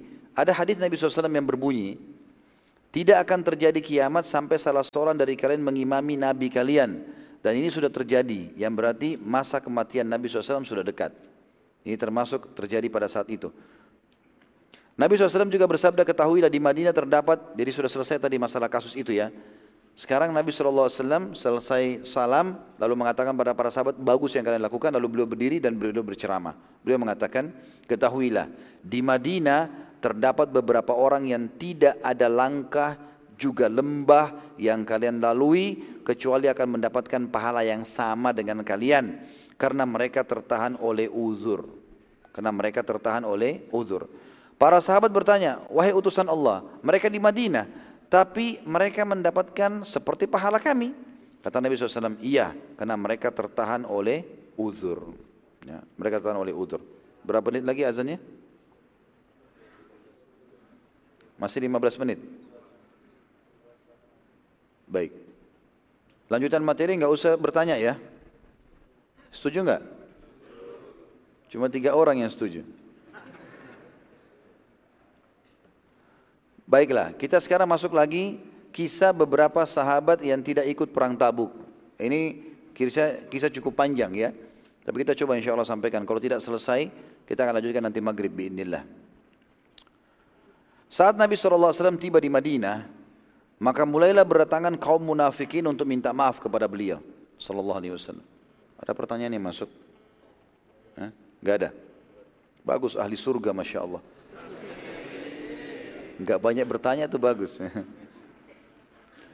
Saat Nabi SAW mulai datang atau datang ke Madinah, kaum munafikin berdatangan sekarang. Pada minta maaf kepada Nabi SAW. Lalu Allah menceritakan tentang kedatangan mereka itu. Dalam surat Taubah, surah nomor 9 ayat 94 sampai 96. Ya. Mereka takut dihukum maka mereka datang minta maaf sekarang. Ayat 94-nya bunyinya A'udzubillahi minasyaitonirrajim ya'taziruna ilaikum idza raja'tum ilaihim. Qul la ta'tadziru lan nu'mina lakum qad nabba'ana Allahu min akhbarikum wa sayarallahu amalakum wa rasuluhu thumma turadduna ila 'alimil ghaibi wasyahada thumma turadduna ila 'alimil ghaibi wasyahadati fayunabbi'ukum bima kuntum ta'malun. ta mereka orang-orang munafik itu mengemukakan uzurnya kepada Muhammad. Apabila kamu kembali atau pada saat kamu kembali kepada mereka dari medan perang ke Madinah. Katakanlah, janganlah kalian mengemukakan uzur. Kami tidak percaya lagi kepada kalian. Karena sesungguhnya Allah telah memberitahukan kepada kami tentang berita yang sebenarnya tentang kalian. Maksudnya Allah sudah bongkar siapa kalian. Dan Allah serta Rasulnya akan melihat pekerjaanmu. Artinya kalau kalian tobat masih bisa, tapi kalau enggak maka tetap akan dihukum. Kemudian kalian akan dikembalikan kepada yang mengetahui yang gaib dan yang nyata, maksudnya Allah hari kiamat. Dan dia memberitahukan kepada kalian apa yang telah kalian kerjakan. Ayat 95-nya, "Sayahlifuna billahi lakum idzan qalabtum ilaihim litu'ridu anhum, fa'aridu anhum innahum rijs." wa ma'wahum jahannamu jaza wa ma'wahum jahannamu jazaan bima kanu yaksibun. Kelak mereka akan bersumpah kepadamu dengan nama Allah apabila kamu kembali kepada mereka supaya mereka supaya kamu berpaling dari mereka. Ya, maksudnya supaya kamu tidak mencela mereka. Jadi mereka mengatakan demi Allah ya Rasulullah, demi Allah dusta semua. Maka berpalinglah dari mereka, jangan terima sumpah-sumpahnya mereka, jangan dengar. Karena sungguhnya mereka itu adalah najis dan tempat mereka jahanam sebagai balasan atas apa yang telah mereka kerjakan. Jadi kalau ada ciri orang suka memerangi Islam, bersumpah atas nama Allah pun jangan dengar. Enggak ada gunanya. Ayat 96-nya, yahlifuna lakum litardau anhum fa in tardau anhum fa innallaha la yarda 'anil qaumil fasiqin. Mereka akan bersumpah kepadamu agar kamu ridho kepada mereka. Tapi jika sekiranya kamu ridho kepada mereka, sesungguhnya Allah tidak ridho kepada orang-orang yang fasik itu. Jadi ayat ini turun kepada orang-orang yang tadi meminta udur itu. Pada saat tiba di Masjid Nabawi, Nabi SAW menemukan beberapa sahabat yang mengikat diri mereka di tiang-tiang masjid sambil berkata, wahai utusan Allah, ini hukuman kami tidak ikut dengan anda. Maka Eh, kami sudah bertekad tidak akan membuka ikatan, ikatan kaki dan tangan kami sampai anda sendiri yang membukanya. Jadi ini istihad sebagian sahabat yang tidak ikut, yang tidak punya uzur gitu kan. Nabi SAW menjawab, sungguh aku pun tidak memiliki wewenang melakukannya kecuali Allah yang memaafkan kalian. Sekarang kalian tidak ikut, tidak ada uzur, biar kalian mau ikat diri kalian, mau hukum sendiri itu tidak ada hubungannya. Tunggu Allah yang ambil keputusan. Lalu Allah turunkan surah At-Taubah surah nomor 9 ayat 102. A'udzu billahi minasyaitonir rajim. Wa akharuna i'tarafu bi dhunubihim khalatu amalan salihan. Khalatu amalan salihan wa akhara sayyi'an. Asa Allahu an yatuba alaihim. Innallaha ghafurur rahim. Dan ada pula orang-orang yang mengakui dosa-dosa mereka. Mereka mencampur baurkan pekerjaan yang baik dengan pekerjaan lain yang buruk. Mudah-mudahan Allah menerima tobat mereka. Sesungguhnya Allah maha pengampun lagi maha penyayang. Para sahabat yang tidak ikut ya, sangat gembira dengan turunnya ayat ini. Maka mereka ramai-ramai membawa harta mereka sambil berkata, Wahai utusan Allah, sesungguhnya tidak ada yang membuat kami tidak ikut kecuali karena harta-harta ini. Maka ambillah sebagai sadaqah di jalan Allah. Silakan anda letakkan ke siapa dan mana pun yang anda sukai. Sebagai bentuk tobat mereka, ini harta kami ya Rasulullah, ambil semuanya, mau kebun, mau emas, ambil semua. Mereka menyesal. Allah turunkan at-taubah. Lanjutan ayat tadi, tadi 102, turunan lanjutannya adalah 103 sampai 105. Allah mengatakan menerima sedekah mereka. Khud min amwalihim sadaqatan tutahhiruhum wa tuzakkihim biha wa salli alaihim.